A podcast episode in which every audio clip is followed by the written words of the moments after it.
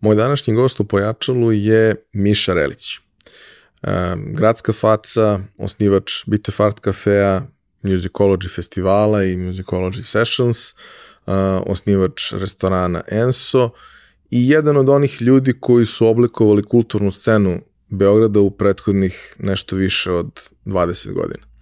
Ispričali smo njegovu životnu priču i pokazali da kada radiš ono što voliš, možda neće uvek ishod biti idealan i možda nećeš uvek imati um, savršeno upeglane prihode i rashode, ali ćeš biti srećan i ponosan na to što radiš i samim tim ćeš imati mogućnost da oko sebe okupiš sjajne ljude koji takođe veruju u istu stvar u koju i ti veruješ i e, to onda može da traje i da opstane više od dve decenije koliko postoji Bite Fart Cafe.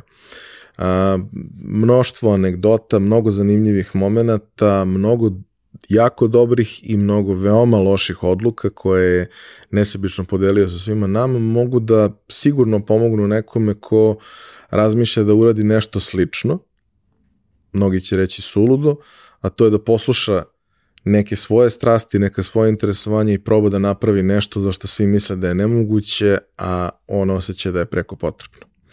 Uživajte. Realizaciju ove epizode pojačala podržala je kompanija Epson. Epson je već više od 20 godina vodeći svetski proizvođač projektora i štampača za sve namene od onih kućnih do profesionalnih. Posebno vam skrećemo pažnju na aktualnu ponudu Epson Business štampača.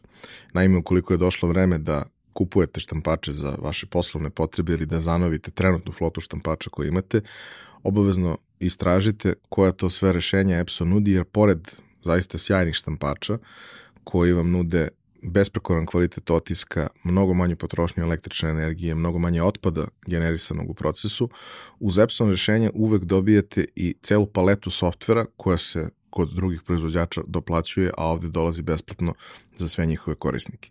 Za više informacija pogledajte businessprint.com, piše se onako kako se izgovara. Hvala vam. I imam još jednu važnu već za vas. Naime, od 1. maja sa krugom prijatelja radim na projektu naša mreža.rs. To je jedno jako zanimljivo mesto za svakog ko je preduzetnik ili razmišlja da to postane. Mesto gde svaki dan izlaze neki interesantni korisni tekstovi, a jednom nedeljno predstavljamo neki zanimljiv mali biznis. Takođe, svakog meseca radimo veliki intervju sa nekim od zanimljivih ljudi sa, sa ovog tržišta, nekim od ljudi koji su lideri u, u onome što rade, pa tako, evo, prvog meseca imamo Slavimira Stojanovića Futra. Uživajte, informišite se i pretplatite se na mailing listu ako su vam teme zanimljive, jer onda će vam svake nedelje stizati digest svega toga svakog ponedeljka na mail. Hvala vam.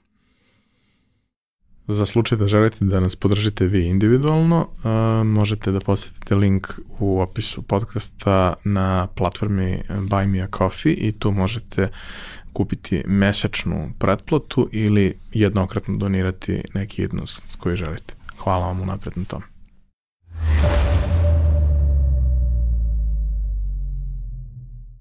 Mišo, dobrodošao. Bolje te našao. A, hvala ti što si došao. Znam da je trenutak uh, osetljiv i to je jedan od razloga i što hoću da pričam o svemu ovome. Ishod situacije sa, kažem, Kalemegdanom ne znamo i dalje. Saznaćemo ga, verovatno u trenutku emitovanja će se već znati ne. kakva će situacija biti, ali uh, kada ste prvi put objavili neku informaciju o tome da, da postoji problem sa, sa tim lokalom, uh, ovaj, u kome su se desile razne magične stvari prethodnih godina, osetio sam potrebu da ispričamo malo više cele priče i kontekste i malo više o tebi svakako, uh, zato što mislim da je Bite Fart Cafe, Musicology, ok, Enso, uh, da su to neke kulturne tačke u modernoj istoriji, urbanoj istoriji Beograda koje su izuzetno važne zato što su jedinstvene po mnogo čemu, a pre svega po tome što su fiksne, što se nisu uh, menjale i ukaljale 20 godina. Da. 22 bitev, a musicology neki desetak, desetak uskoro. tako je, da. Enso 7-8. Tako je. Da. Ovo okay, u jednom trenutku BTF jeste promenio lokaciju, ali to je to, kao promenio je lokaciju. Pa dogod su mogli da zadržimo staru lokaciju i, za, i držali smo je, a to je do posle korone, onda uh, smo dobili otkaz ugovora, odnosno istekao nam je ugovor i pored ugovora da ga produžimo ga nekako nismo produžili, nismo ni dobili opciju da ga produžimo, tako da više nismo u starom bitefu što meni rak rana, jer je to ipak naša beba i odatak smo krenuli. Uh, ali svakako ovaj novi klub po meni je jedan veliki upgrade za nas i da on nam je mogućnost da napravimo musicology i da odemo u tom nekom pravcu koji me uvijek interesuje. E sad, ovaj, doći ćemo do BTF, ali krećemo hronološki kao i uvek, krećemo od našeg mančmelo pitanja i onog prvog, jeli, šta ste da budeš kad porasteš? A pa teniser. Dobro. Prvo sam te da budem teniser, sam kao mali igrao tenis i ovaj, trenirao E, moj, moj greško sam tirao u Partizanu, pa sam što bio kratko u Zvezdi, pa sam se vratio u Partizan, iako sam zvezdaš. I to svi znaju, verovatno. Um, teo sam budem teniser i uh, životna želja mi je tad bila da nastupim na Wimbledonu, meni Wimbledon bio potpuno fascinantan. Mislim da je svakome ko U ono tenis. doba, nažalost, ovo, u ono doba, nažalost, i trenirati tenis, igrati tenis u Srbiji, odnosno tadašnjoj Jugoslaviji je bilo na zaista niskom nivou. Znaš, ono, kad igra, ideš na neke turnire, ono, posledamo nekog fiću, nas petora i, i polako ka gradu da se igra turnir dok dođeš tamo, već izgubio pola snage i svega i naravno sve ti mnogo teže.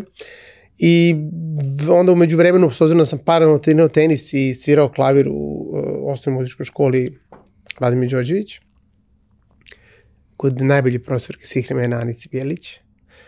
Um, se rodila u meni ta želja za muzikom i onda sam uh, već negde tamo 14-15 godina počeo sebe da zamišljam kao veliku rock zvezdu, naravno. I to je moja druga želja bila, da budem ovaj, rock muzičar. U stvari, u stvari, u stvari me je uh, onaj moment na Wembley u Queen-a, uh, Radio Gaga, to mi je bilo ono, dan danas kad čujem Radio Gaga, ono, naježim se. A, pa kažemo, ovo standardno obrazovanje, je li bilo tu nekih stvari koje su te posebno interesovale ili su ti te vanškolske aktivnosti bile fokus, a ovo je bilo ispunjavanje kvote? Pa ovo je bilo ispunjavanje kvote, ono prvi, prvo polugodište kako tako, a onda drugo polugodište puna para da se dođe do, do odličnog, da me ne bi Keva zapalila. Ovaj Čale se nije to mnogo ovaj, bunio, ali ovaj, znao sam koliko je Kevi to bitno, pa sam ono, gurao to dok je, ono, na taj način sam završao školu, bukvalno. Znači, učio sam kad je baš ono bilo do gori, onda uzme naučniš celu knjigu i to je to.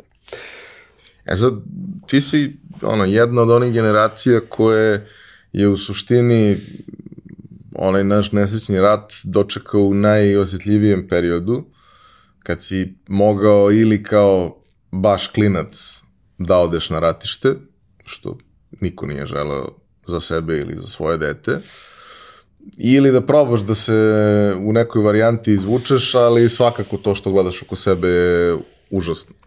Šta je bila opcija koju ste vi priveli? Kako ste ono, razmišljali kao porodicu u toj situaciji, kako ste se organizovali? Pa to je bila jedna odmjena dezorganizacija, da ti kažem. Prvo, ovo, ja sam nekako generacija koja je uspela da čapi ono malo Jugoslavije, one, ono, one zemlje koje je tada funkcionisala, ovaj, kako je funkcionisala, i da uživam u toj slobodi, tom, toj širini i, i da putujemo i na more u Hrvatsku i da vidimo Sloveniju na skijenje, u Bosnu na skijenje i tako dalje, tako dalje. Čalim je bio kamron u RTS-u, odnosno tadašnjem radio televiziji Jugoslavije. I s te strane smo super prošli kao generacija. Ja sam 72. godište, znači tad sam imao, ne znam, 17, do 18. godine sam živio u toj nekoj Jugoslaviji. A onda on imao pa nemao, dođe u situaciju da posle sve te širine i putovanja po svetu, ja sam kao klinac mnogo putovao, ja sam teniskom, e, kroz te teniske turnire putovao i sam ponekad, ono u Englesku, ne znam, da su me već slali Čale Keva. Iz te neke širine i slobode koju sam živeo, sam došao u situaciju da sam izbjeglica na Kipru. Naime, kad je počeo haos ovde, s obzirom da moja baka iz Zagreba, da mi je ovaj, deda Srbin, ok, i drugi deda isto Srbin, tako dalje, ali ja sam nekako imam više porodice trenutno u Lovranu, u Pati i Ičićima, nego što imam u Beogradu. Pošto mi braća, jedan brat mi je u Beogradu od tetke, a drugi u Barceloni, mislim. Ovamo imam njih 15 ono, u, u, u oko Opatije. I onda ovaj, za mene je bilo neprihvatljivo da idem u taj rat. Zaista, mislim, besmislen potpuno. Naravno i za mog čaleta. Čale onda otišao u Ameriku negde 91. a ja sam uh, otišao na Kipar. Sa idejom da ću posle šest meseci godinu dana, kad Čale završi papire, da odem u Ameriku i onda da se Keva eventualno pridruži i tako dalje, su njihovi odnosi ta već bili narušeni.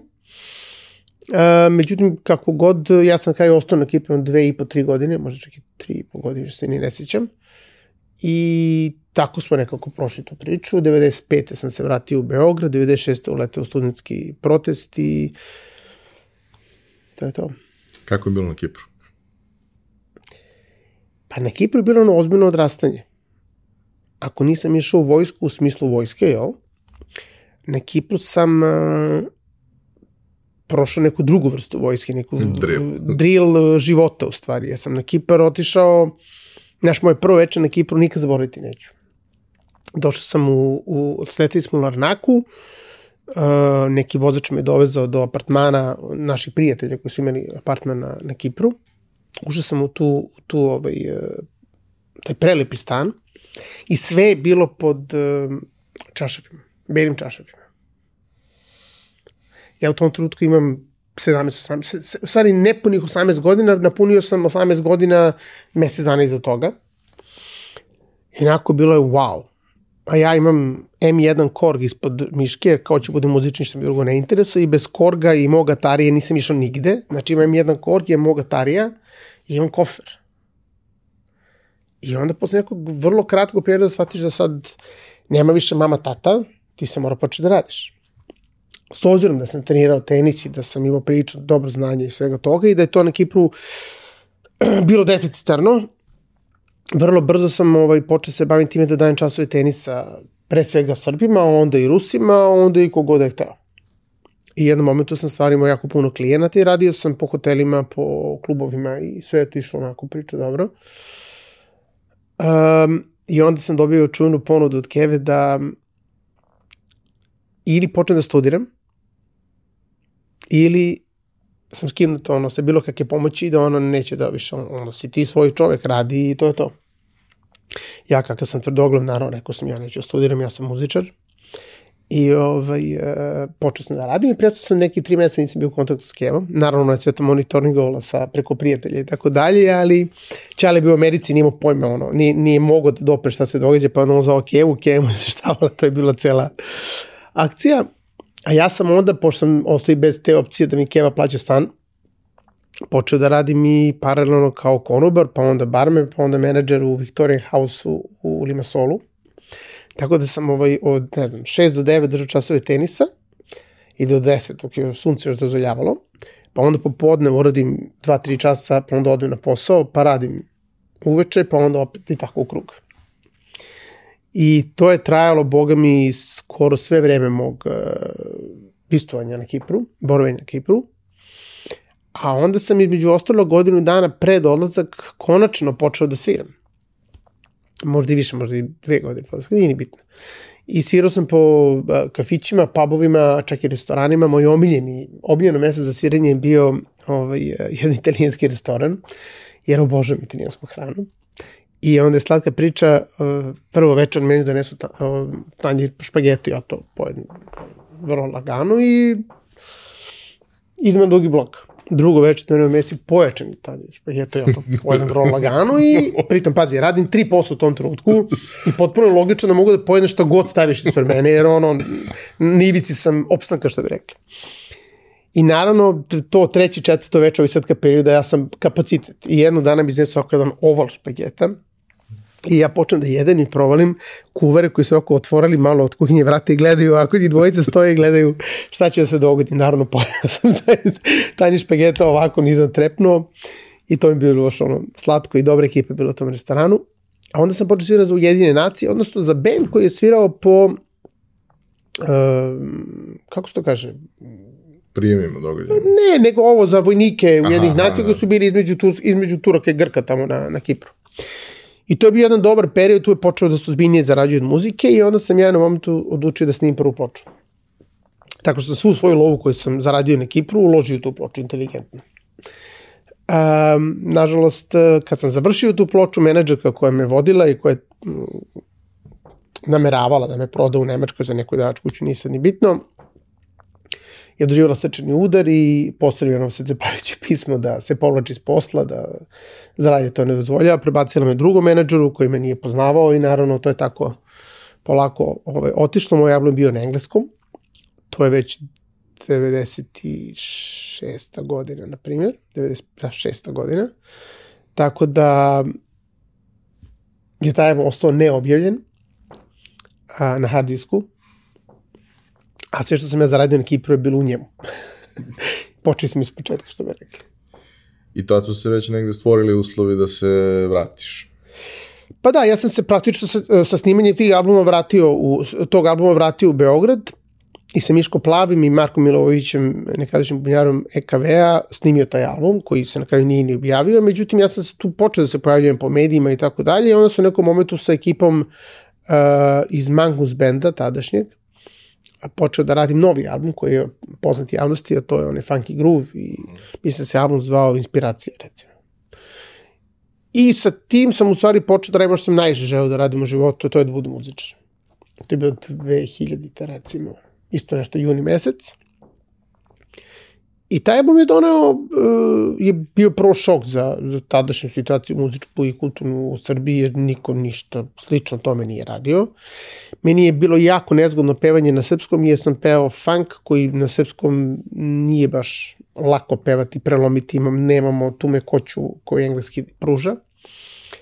Um, međutim, napravio veliki uspeh i taj funky groove i, i princeze iza toga i onda ono finalno Ludi grad koji je bio jedan jako uspeli spot. Um, Ispred terazijskog tunela. A da, to je bio, to je bilo spektakularna organizacija. Ne, mo, morat ćeš da ispričaš da. nešto o tome, zato što ja to, meni ta slika je i dalje prva asocijacija kad neko tebe pomene. Pa vidi. Kao čovjek je, kako je čovjek snimio noću ispred terazijskog Prvo je bila ideja da zaustavimo neku, uh, da, da napravimo snimanje spota na nekoj raskrsnici na Dorčulu. I onda sam ja zaključio da je to neće dovoljno da ni da kao raskrsnica dođe, možda neće biti nikog, ništa nismo uradili, mislim. I onda je neko trenutku neko iz ekipe dao fenomenu ideju da se to uradi ispred rajskog trenera, čime sam ja naravno oduševio. I onda smo uh, angažovali 20 uh, manekinki preko Neše Klika, koji nam je mlade ove manekinke poslao, koji izgledaju prilično obično, preko dana kad vidiš u farmerkama, majicama, to je sve cool, jel? Ko da su tu šetali i skočili. Organizovali smo dva automobila na Zelenom vencu, dva automobila su bile kod borbe i dva automobila su bili kod bivšeg Balkana i na znak Motorola su svi krenuli, polako su vozili, jedan pored drugog, tako da kad dođe to crveno svetlo gde mi treba da izletimo, oni kao stanu, otvore haube, kao pokvario se auto i naprave, daju nam, daju nam tih par minuta da mi možemo što da istrčimo na raskrsnicu. Još jedini problem bio što je na raksnici bio neki auto policijski, a to smo rešili tako što je uh, moja drugarica Mira Tomić ovaj, otišla uh, kod načelnika policije sa ozbiljnim dekolteom i uh, rekla da mi snimamo studentski film na ovaj, uh, kod Trajskog tunela. I ovaj, lupio pečet. Mira carica, Mira je prodavala, on, Mira kad se pojavi, savrši što hoćeš. I, I onda smo tako za tih 20 devojaka i još 20 prijatelja po tim kolima ovaj, uspeli da u jednom momentu zustavimo taj saobraćaj da bi mi uspeli svi da istrčimo sa sve instrumente, imali smo ekipu koja iznosi instrumente, ozvučenje i tako dalje. I imali smo jako puno kamere. Smo znali da ćemo imati jednu, možda dve, možda tri puta da ponovimo numeru, ali nećemo moći da snimamo sad ono tri sata tu, razumeš? Međutim, mi smo toliko zakrčili taj saobraćaj da je, na primjer, jedna novinarka ostala, iako sam joj rekao, nemoj da kasniš slučajno, tad i tad će to da se dogodi, znači nemoj da kasniš. I žena je naravno zakasnila i ostala u tunelu celo snimanje spota, mislim. Koliko sati je to sve bilo? To je bila nedelja, bili smo dobri, znači nedelja, nismo baš ono, u petak to radili. U nedelju je bilo preko dana, nešto neću. Ne znam, zaista ne znam koliko sati bilo, ili bilo u sred dana, na primjer.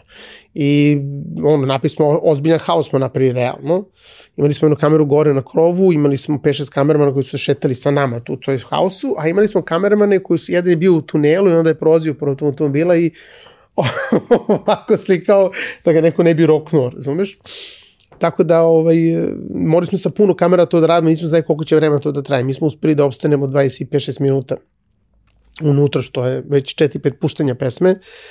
Imali smo toliko materijala da smo mogli da napravimo 16 verzija spota. I verovatno da danas to uradim, verovatno bi radio 10 različitih verzija spotova, bi to bilo viralno da ljudi vide šta se sve izdogađalo u tih 25 minuta. Ili bi napravio čitavih 25 minuta bi izmontirao ono, pa znaš da bude kao... Behind the scenes. Da, da, da.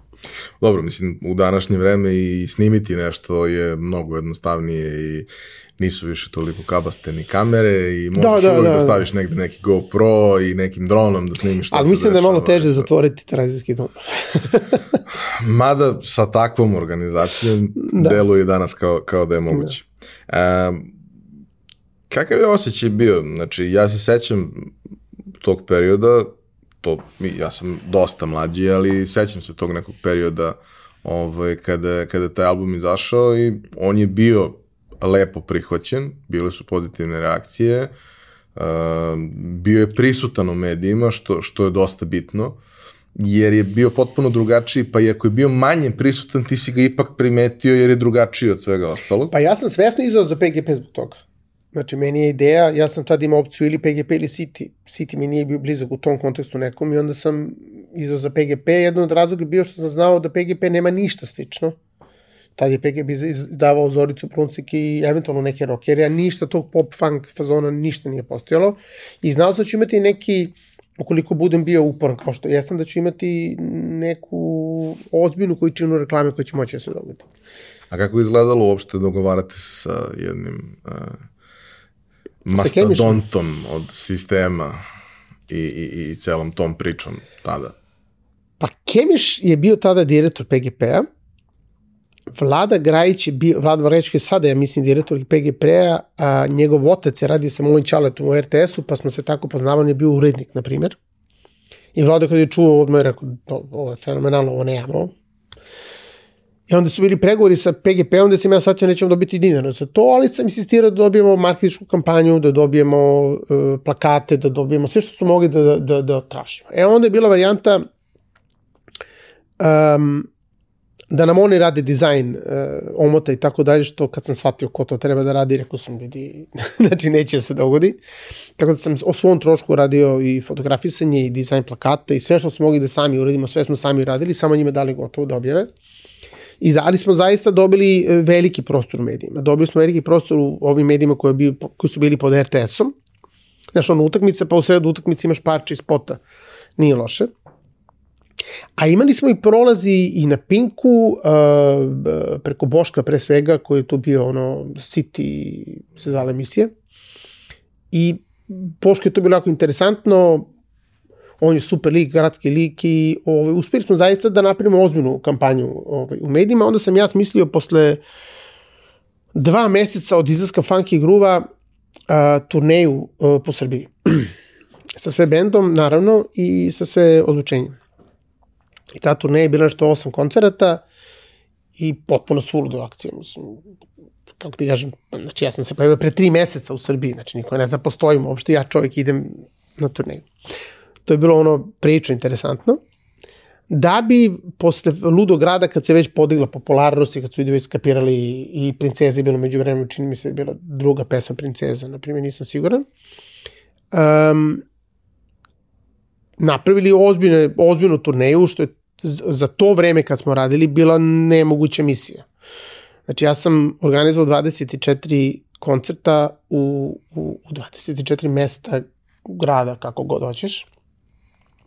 Išao sam sa celokupnim bendom, to je devet ljudi, znači duvačka sekcija, to je bilo mast. Išao sam sa a, ozvučenjem, rasvetom i ekipom koja je radila sve to. Tipa, ni, mislim, prošlu godinu dana od, izda, od, od, od, od pojavljivanja mene u javnosti, uopšte u tom kontekstu. I onda smo, imali smo uh, sponzora nekog koji nam je ovaj, finansirao put Prigat Sokovi koji su bili toliko slatki da to je posledna priča. I negde smo prošli fantastično, pamtim koncerte u, u uh, Leskucu, u Vladičinom Hanu, a uošte doli jug Srbije je fantastično prihvatio. negde ovaj deo Užice, Bor, ta neka, da kažem, linija onako, nije, nije nešto prolazilo, u Vojvodini smo super prolazili, u Novom Sadu smo lepo prolazili. I kad se to sve završilo, ja sam shvatio da sam posle stravičnog napora i o, to, ozbiljne turneje za, za jednu Srbiju 24 grada, mislim, to redko ko radi, pogotovo u nizu tako da odradi, u svojoj organizaciji na prodaju karata. Um, ja sam shvatio da sam posle svega toga zaradio polunu vektru. I rekao sam, ovo je suludo. E, ja samo mogu da kažem da mi je drago da je postojao plus. da, da, postoje plus zbog prigate, su nam oni dali te sokove, pa smo onda prodavali te sokove, a, nekoj firmi smo prodali, nekoj firmi koja je radila puteve smo prodali te sokove, pi živi, imali smo, imali smo ceo tanker, vada, kako se to kaže, tanker, jel? Pa, recimo. Ne, nemam pojma, mi smo nešto, mnogo tih sokova i smo to prodali nešto po nekoj niže ceni, pa smo kroz to praktično isplatili sve i ostao neki kao profit u toj cele priči i ja sam kupio polovnu vektu, toga se sećam. I on shvatio da je to malo sudo i malo sam se tu povukao, međutim ljudi iz benda, u stvari ljudi koji su u stvari činili deo kreativnog tima MR je taj MR, odnosno Miša Relić je čine Vojno Dizdar, Dejan Momčilović i Miša Relić obično Mišanić da neku ideju, neku nešto tu osvirano klavir, gitara, šta god, neki vokalnu liniju, onda dođe deki, napravi groove, napravi bubanj, bas, a onda dođe vojno i rasturi sve što smo mi smislili i sa tim dekijevim groovom i sa svojim virtuoznošću i zaista pretalentovan čovek i dan danas se vidimo i fali mi sviranje sa njim. Napravimo neku finalnu varijantu pesme, onda ja na kraju dođem i seckam tamo gde su presviravali i napravimo pop pesmu, pop funk kako god dađeš. I onda su me njih dvojica nagovorili da u stvari odemo korak dalje. Ja sam rekao, ok, ali ako radimo, radimo varijantu gde nam je cilj da uspemo u inostranstvu, i u Srbiji i u Jugoslaviji, kako god, ali da uspemo u inostranstvu i da sviramo po festivalima po inostranstvu, jer baviti se funkom u Srbiji 2005. godine, potpuno sam to. Znači, danas da, da je ova situacija danas, kao što je bila od 2005. godine, gde bi mi kraj bio? Ti danas imaš pre svega nevrovatnu količinu festivala gde možeš da sviraš. 2005. nije bilo ničega, možda bio Exit. Exit je počeo. Jeste, ok, Exit je počeo. neko vreme, ali... Da, ali kao to je bilo to, ima si Exit i ništa više. Ti danas svaki grad ima svoj festival. Svaki, svaki region ima svoj festival u Srbiji gde ti možeš da nastupaš sa takvom muzikom.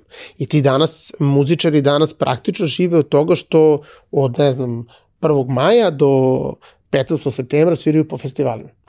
A ti festivali, pošto nema milion izvođača koji imaju neki kvalitet, nego imaš ne znam, imaš eh, jednog Marka Lewis, imaš jednog Van Gogha, imaš, ne znam, ničim izazvan, nešto, jako, jako su, jako je malo tih kvalitetnih bendova ti onda kapiraš da ti 70% festivala ima 70% istog programa. I oni zaista sviraju celo to leto, sviraju te koncerte, još te ne moraju zimi da e, rade ne znam koliko koncerata, nego mogu da odsviraju Beograd, Novi Sad, ne znam, Kruševac, Niš i toliko o tome. Neke privatne žurke, neke privatne događaje, to je to. 2005. to nije postojalo. I 2005. si morao sve da radiš na silu, na snagu, na upornost i tako dalje.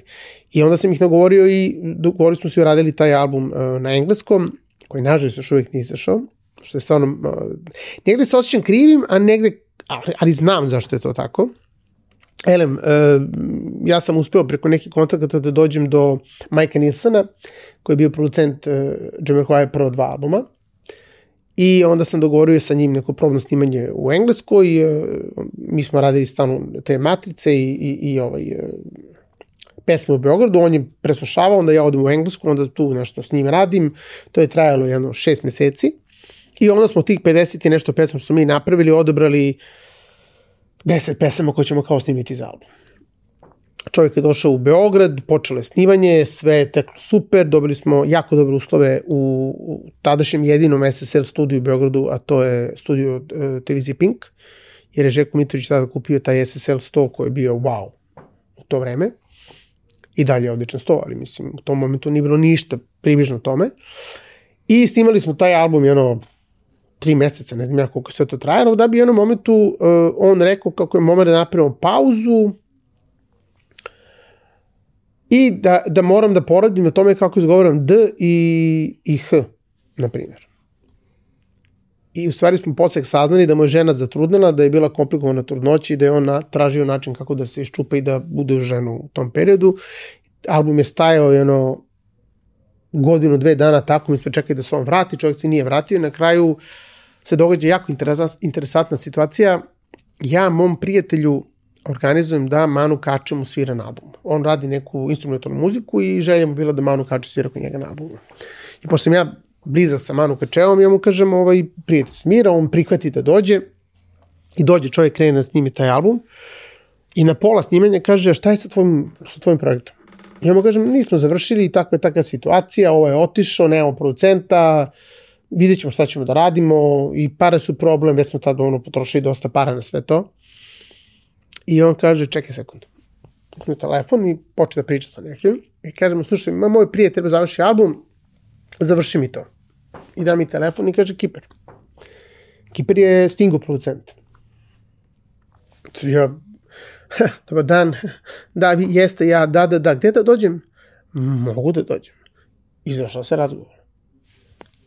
I sad, da skratim priču, par meseci za toga sam imao zakazano snimanje u Engleskoj, u Farmathu, pored uh, Londona, probno snimanje u njegovom studiju.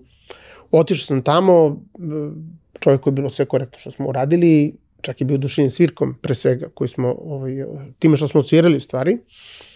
I zakazali smo snimanje i od toga, od tog momenta kreće neke nevjerojatne stvari da se događaju. Znači, procent nam je, procent snimanja nam je bio Mike Nielsen, koji je radio Jimmy Quiet uh, i još dosta poznatih ovaj, izveđača. Producent albuma na kraju je Mark Edridge Keeper, Stingov producent. A kako dođemo do problema u snimanju u Engleskoj, tako neki deo Stingovog benda uleće da završi. To, I sad, situacija je potpuno nadrijana, ja tog čoveka nisam, ja sam tog čoveka upravo upoznao, znači znam čoveka tri meseca ono u životu. Ok, Manu i ja imamo neku dugu priču i tako dalje, to je neki drugi odnos, ali očigledno da je tu Manu imao ozbiljnu kontrolu nad celom situacijom, jer, na primjer, mi sad dođemo u situaciju, on kaže, ne sviđu mi se ovi pratići vokali, morao sam ima druge pratići vokale. Ja sam sam u Londonu, band je u Beogradu. Ja kažem, pa dobro, šta ćemo sad? Kaže, pa ćemo to rešiti. Samadu, Dona, Deste, dođite oko mene, kad možete, tad može, dobro, dolaze Stingovi pratići vokali pevaju Miše Reliću album. Ne znam, onda je bila varijanta da radimo neku pesmu ja kažem, ja, kako bi ovde ovo sad prsti Dominik Millera kad bi se ovde pojavili, ono, Shape of my heart fazo nešto. Jebate, odlična ideja. Dom, desi, sad kreće njihov neki razgovor, slušaj, kao, aha, to skaj, ne, e, slušaj, ne radite ništa, ovaj, te mi završiš nešto, šaljem ti na mail. I on mu pošalje pesmu i ovaj posle dva dana pošalje nazad snimljenu gitaru i to je jedan od najšokantnijih razgovora za mene bio mi dobijamo nazad e, predlog Dominika kako to treba da zvuči. Sad ja slušam, a ono sine, kao da je Santana uletao u pesmu gde Santana ne treba da bude. Znači, dom istripao neki, taj sound i to kao neka svirka. I sad jebate, kako da mu kažem da mi se ne sviđa šta je odsvirao Dominik Miller? Mislim, potpuno nemoguća pozicija, razumeš? I sad on kao, pa dobro, kao šta misliš? Pa ja sam to malo drugačije mislim, ma da bre, jede ga on opet izipao da je Santana, sad ću da ga zovem. I okrene Miller i kaže, ej sine, smo reki, ono, akustaraš, šta s tim Santana, daj molim te, ono, snimi to, akustara me zajebaš. Paf, telefon, ja rekao, ja, jebate. Ovo je kraj, izgubio sam Dominik Millera, 100% neće biti na albumu. Međutim, naravno, oni su mnogo dobri drugari i ovo je to snimio, tako da je mi Dominik Millera na albumu. Onda je bila neka bas gitara da se promenio, da rekao, ej, imam strašnu bas za tebe, koji svira sa, a, ovaj, sa, ovim, kako se zove, bre, sad ima koncert u Puli, Robbie Williams, Jolanda Charles, idemo u kola, idemo sutra u London. Odlazimo u London, ulazimo u kuću te devojke, žene, prolazimo kroz kuću, ulazimo u dvorište i sad u dvorište sazidan mali studio koji je bukvalno ono sobica koja je zvučno ono spremenjen, ima pet pojačala, šest bas gitari, ona kaže kakav sound hoćete? Ja kažem, pa ajde čujemo pesmu pa popričamo o tome, ona pusti pesmu. Ja kažem, hm, najbolje ovo pojačali ovo gitarama, da možda može i ova gitara. I to tako izgleda. Tako da sam i ona odsvirala dve pesme, gde se Kiperu nije sviđao ovaj bas. Sve u svemu, taj čovjek je rešavao magičnim štapićem sve što se nas ovaj, događalo i na kraju smo ovaj, snimili taj album. Bila je jedna fantastična scena, ovaj, Kiper je u ekstazi, već sad završavamo poslednju pesmu Dirty Deed i ovaj, u ekstazi dolazimo kući, uzimamo njegovu ženu, idemo na klopu, veselja, gotovo snimili smo sve, fenomenalno. I ja treba da putujem preko sutra. Što znači da mi sutra imamo jedan dan vremena da spakujemo sve što smo snimili, da, da dobro obeležimo sve, da ne bude iznenađenje, jer miks radimo u Beogradu. I dolazimo do Dirty Dida koji smo mi fantastično otpevali taj dan i ubiđeni da je sve bilo fenomenalno. Međutim, sve vreme smo bešto pijuckali kao zadnji dan, pesme funk, više dranje nego što je pevanje. Znači, nije nešto sad tu, ne znam kako zahtevno vokalno. Kiper pušta, nije to taj tek. Nije to taj tek. Ma nemoguće. I mi pustimo tipa 10 tekova, 12 tekova, ne zna se šta je gore, da li je gore što ovo je urla sa, sa druge strane ili što sam ja potpuno u nekom svom filmu, nema veze s muzikom, znači katastrofa. Ja još, jebo, te imamo još par sati snimiti, ti sad ovo mora da snimiš, mislim, ti su da putuješ. I tako smo tu pesmu u stvari snimili ono u, sat vremena, znači moralo da snimi praću, ali sve smo odradili u sat vremena. I tu smo Kiper ja ono se baš zbrižili i, i dan danas me zove telefonom i, i zeza me, kaže, ako ovako nastaviš, ja ću završiti u wheelchairs, a ti još uvijek nećeš objaviti album. a što ga neće objaviti? A, pa došla je 2000 i... Kad sam završio, to je bila 2010. Kiper je došao u Beograd, napravili smo žulku i neku svirku uh, baš na Kališ u letnjem klubu. I kad je to završilo, ja sam bio na prekretnici. Bite Fat Cafe je postao posao, više nije bilo igranja koje je bilo 2001. 2003. 5. nego smo sada imali firmu, imali smo zaposlene, imali smo neku odgovornost, imali smo neku poziciju u gradu kao gradski kultni klub. A s druge strane sam imao ploču koju sam uložio sve pare koje sam zaradio u životu. Opet. I koji je fantastičan album, ali sam svestan da to u Srbiji nema ko da izda u tom momentu. Pod jedan. Po dva, i da neko hoće da izda, ne može da mi ispati ni 10% onoga što smo uložili. Ono što sam uložio u stvari. Pod tri, za inostranstvo i neku ozbiljnu akciju u inostranstvu treba neko ozbiljno vreme da bi se to jel, pokrenulo i tako dalje i tako dalje. Ja sam u tih pet godina dogovaranja, snimanja, pauze, opet snimanja, završavanja svega toga i tako dalje, podigo taj biznis na taj nivo da sam morao da razmišljam da ću da, da se bavim nečime od čega živim, ja i, i, i moji zaposleni ko, koji su sa mnom i ti bendovi i sve to što smo tamo napravili u starom Bitefu. Ili ću to da otpišem, jer ne mogu da budu na destovicu u tom momentu više, mora da bude više vremena u inostranstvu nego u Beogradu da bi to moglo da funkcioniše. I da se bavim muzikom, znači treba da taj neki pop, funk, disco, kako god ćeš da nazoveš, u momentu kad se to ni u svetu ne svira, to je bilo, znači Bruno Mars je vratio tu priču 10 godina kasnije ili 7-8 godina kasnije. I onda sam u vaganju toga shvatio da sam ja sam u svemu tome, je vojno i deki mi pomažu i, i učestvovali su maksimalno u snimanju. I mi jesmo bend, ali u tom bendu sam ja pevač, menadžer, finansijer, organizator a najmanje u stvari pevač, sam sve ovo ostalo moram da odedim da bi došao u situaciju što je pevam. I ja donosim odluku da to stavim onako sa strane, dok ne dođe pravi trenutak, i počinjem da se ozbi, nastavljam da se bavim Bite Fart kafeom kao nečime od čega živim i čega sam napravio nešto ozbiljno i tako dalje. Da me pitaš da li bi sad to opet uradio, Sa ovim znanjem trenutne situacije u Srbiji što se tiče muzičara i muzike, verujem da ne. Jer da sam izdao taj album 2010. i da sam onda 2012. izdao još neki album, ja verujem da bi bio u situaciji da upravo to radim, da sviram 4-5 meseci leti festivale, da zimi odsviram kad treba, gde treba i tako dalje i živeo bi mnogo opuštenije i mnogo relaksiranije, radio bi ono što sam najviše volao da radim. Jer volao sam i studio, volao sam i te nastupe, Znaš, taj put u kombiju sa bendom, to je, to je, to je komedija. To, to, ono, ko to ne doživi, ne zna šta je dobro zezanje, šta je opuštenost i šta je rasulo mozga i ko je to dobar vibe. Bez obzira što se lomi kičma, bez obzira što to je naporno, mislim. Ti, ti, mi kad smo radili tu turneju 2005. 6. Znači ti putuješ Beograd, pa ne znam, sad Lupiću Kragujevac, pa se vratiš za Beograd, pa onda Kruševac, pa se vratiš za Beograd. Ili eventualno uspeš da prespavaš negde ako imaš para, ako je previše blizu, glupo da sad ćeš A to je svaki dan vožnja, svaki dan tonske probe, svaki dan se nešto događalo. Ja sam tri dana nedeljno bio u marketičkoj kampanji po tim gradovima. Ja i Sanja moja, Čanković, tadašnja Čanković, današnja Marić, e, koja mi je bila desna ruka u toj celoj priči.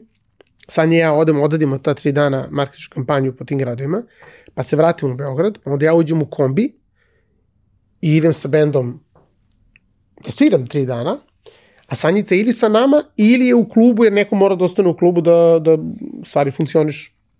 I tako smo živjeli tri i po meseca. Mislim, ne, to neudrživo, bukvalno, ali stvarno sve čega se sećamo iz tog perioda je najlepše moguće.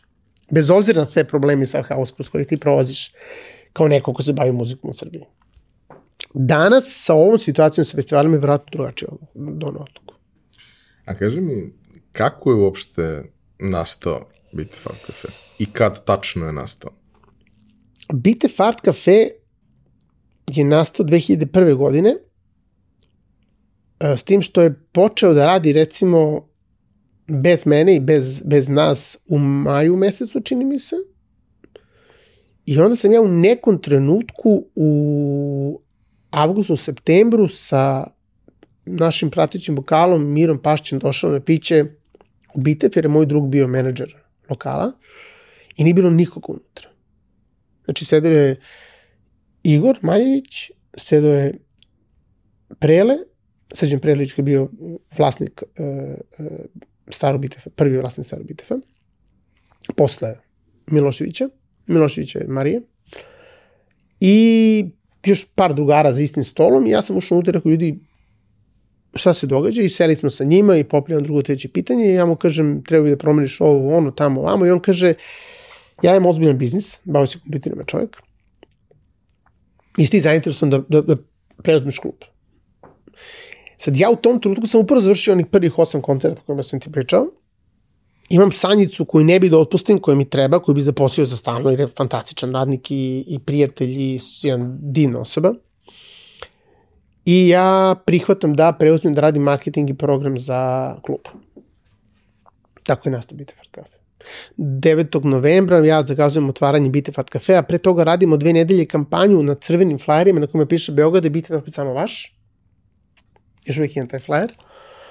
I, pošto kao vraćen od, od uh, Marije Milošića te priče, i ovaj, uh, zaista napravimo u roku tri meseca od jednog potpuno mrtvog prostora napravimo najpopularnije mesto u gradu u tom trenutku. Znači, kod nas su bili redovi za ulazak u bitev. Zimski, stari. Sad? I mi smo radili utorak, sreda, četvrta, petak, subota, nedelja, što je danas nezamislivo za bilo koju klub u gradu ok, bili smo relativno mali klub, primali smo 200 ljudi, 250 ljudi i bili smo jedan od pet klubova u gradu u tom trenutku, a jedan od tri urbanih klubova u gradu u tom trenutku, tako da je vjerojatno to sve olakšalo. Um, nismo imali bendove, mislim, sve je to bilo navrat na nos. Ja sam, sećam se, pisao neku, imali smo neke flajere koje smo delili muzičarima, ono, po jazz festivalu, javite se ko imate benda, svirajte u Bitefu. Tako smo došli do prvih velikih zvezda Bitef At Cafe, to je Mile Čopezo band. I onda su slali razne diskove, pa smo to preslušavali, pa sam ja birao ko, ko mislim da može da svira u Bitefu, ko ne može i tako. Ovaj, e, tako, je, tako je počela stvar u stvari. E onda je dve godine kasnije Prele uh, rekao da on sebe ne vidi u tom poslu i pitao da li bi ti otkupio njegov udeo, što bi rekli. Ja sam rekao da. Prvo sve što bio partner pola pola u drugoj godini, pa u trećoj godini sam otkupio njegov deo. I onda smo napravili veliko renoviranje kluba i tu negde 2004. 5. počeo taj finalni rise, ono, Bitefa koji od 2005. do 2010.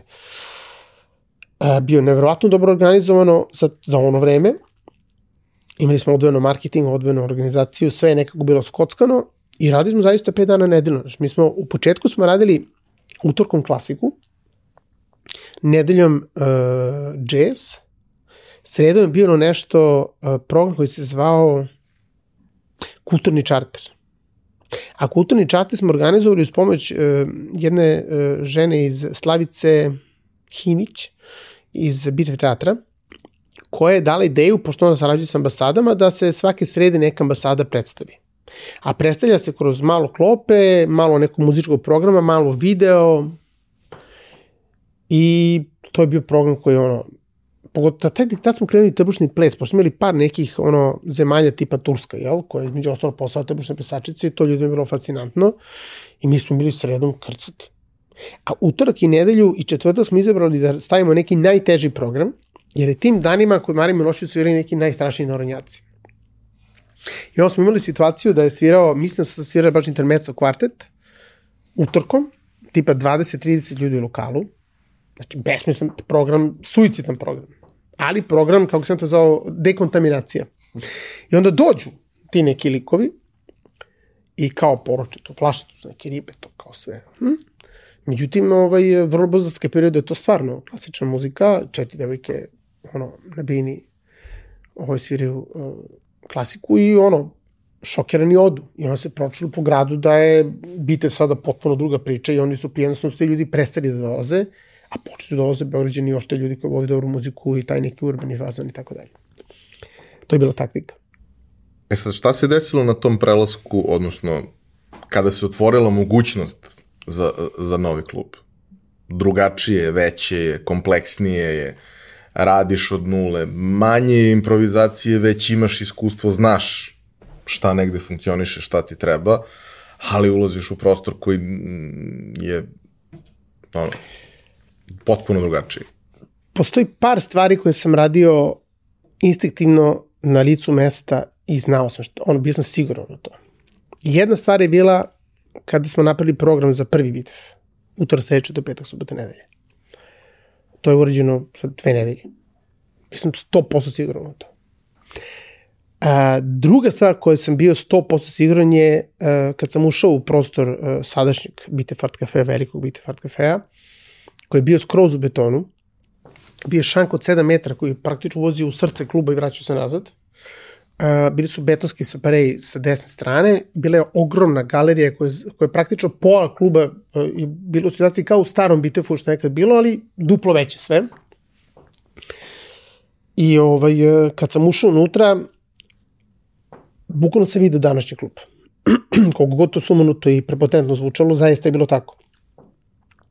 I onda sam doveo Đuru, moju desnu ruku i Tijanu, moju tadašnju devojku, a ovaj, ne samo devojku, nego i koleginicu koja je vodila marketing, PR i tako dalje i tako dalje. I kad sam im ispričao šta ja nameravam tu da uradim, rušimo ove separe, tu idu ovake separe i precrtamo bitef, ali pravimo ovde separe sa strane, tamo ide tonac, ovde otvaramo prozore, rušimo obe galerije.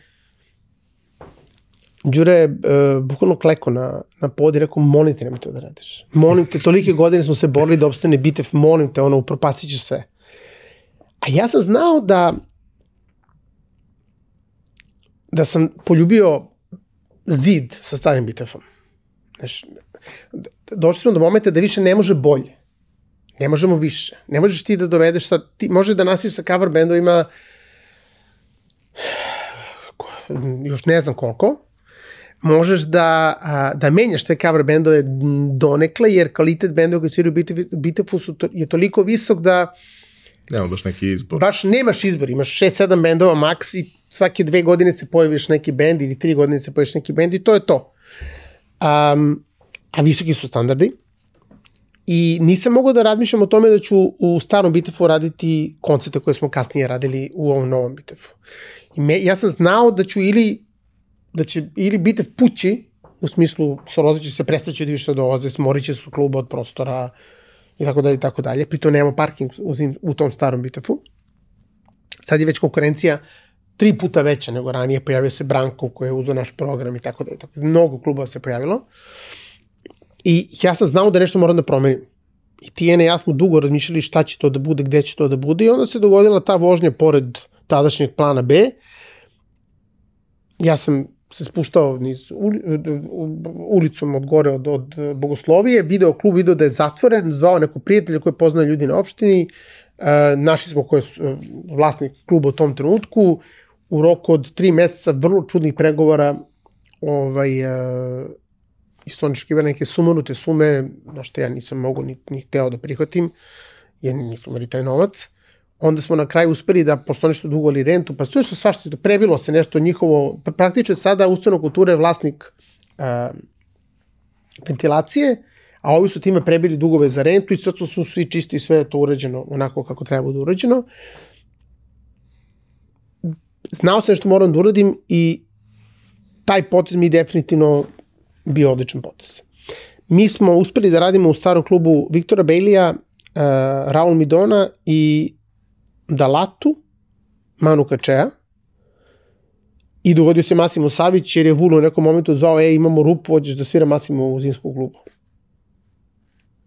Ja kažem, hoću, ne znam kako će stvarno biti. Znači, to je pet koncerta koje smo mi uspili da odradimo za 14 godina zimskog kluba, starog. Kad smo došli u novi klub, meni jedina ideja je bila da mi postanemo Rooney Scott, Blue Note Beograda, Srbije, regiona, I tad se pojavila ta ideja o muzikologiju, koja je smislio u februaru mesecu uh, 2014. da u junu mesecu radimo četvorodnevni festival na Kalemegdanu. Recimo da Tića i Marijana nisu bile oduševljene idejom, bili su pretnje ubistvom i tako dalje. Međutim, izgurao sam to i sa njih dve i sa Đurom i sa celom Rašom i celom tom našom ekipom i ocom Tonce koji ono, mali mi nije riknuo na tamo, pošto on ima ozbiljno visok šećer i takvi stresovi mu baš i ne prijaju. Međutim, ja sam u roku od dva meseca bukirao festival i krenula je kampanja i sve to i sponzori su nešto uleteli i to, mi smo taj festival nekako uspeli da izvedemo. Tako da ta tri događaja su bila ono, sad, A kaži mi, ceo taj koncept ovaj, gde jedan klub, odnosno jedan brand živi celu godinu. I živi pod istim imenom i, ok, uz Loša povremene ideja. intervencije, ovaj, ali živi sezonama, što ovde nije bio slučaj. Znači, vrlo je mali broj klubova koji su preživjeli više od pet sezona pod istim brandingom. Znamo mnogo mesta koja se koja su jeli ista ona od pre 15 godina, da su među vremenu promenili tri interijera i 10 imena.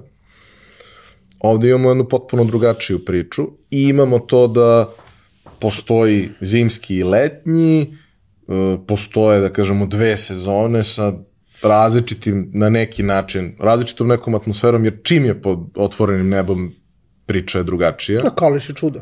Ovaj, kako je došlo do toga i kao kad je krenula priča sa Kališom, kako ste tamo koncipirali stvari, jer opet zahvalnije, drugačije prostor, nuditi više mogućnosti, ali ima i hiljadu pomičnih tačaka koje u zatvorenom prostoru nemaš. Pa, u stvari je problem nastao kad sam ja 2005. 6. 7. godine, mi smo jako lepo radili ti godina, I shvatio sam da mi 1. juna, 15. juna, 10. juna, kako vreme već, odluči mi ostanemo bez osoblja. Jer celokupno osoblje nađe letnje poslove i sad 50% osoblja ostane na tim nekim drugim poslovima, 34% se vrati, 10% su tu, ali možda i nisu tu i tako dalje. I mi svake godine iznova učimo osoblje poslu, na, navikavamo se na nove ljude, pravimo novi tim i mi taman to kad dođe opet letom i opet ostanemo bez pola ekipe i tako iz godinu u godinu. I onda sam saznao da Pepe ovaj, e, napušta uh, tadašnji Basement se zvao, ja mislim. Uh, basement napušta Kaleš, a ja sam kao mali 89.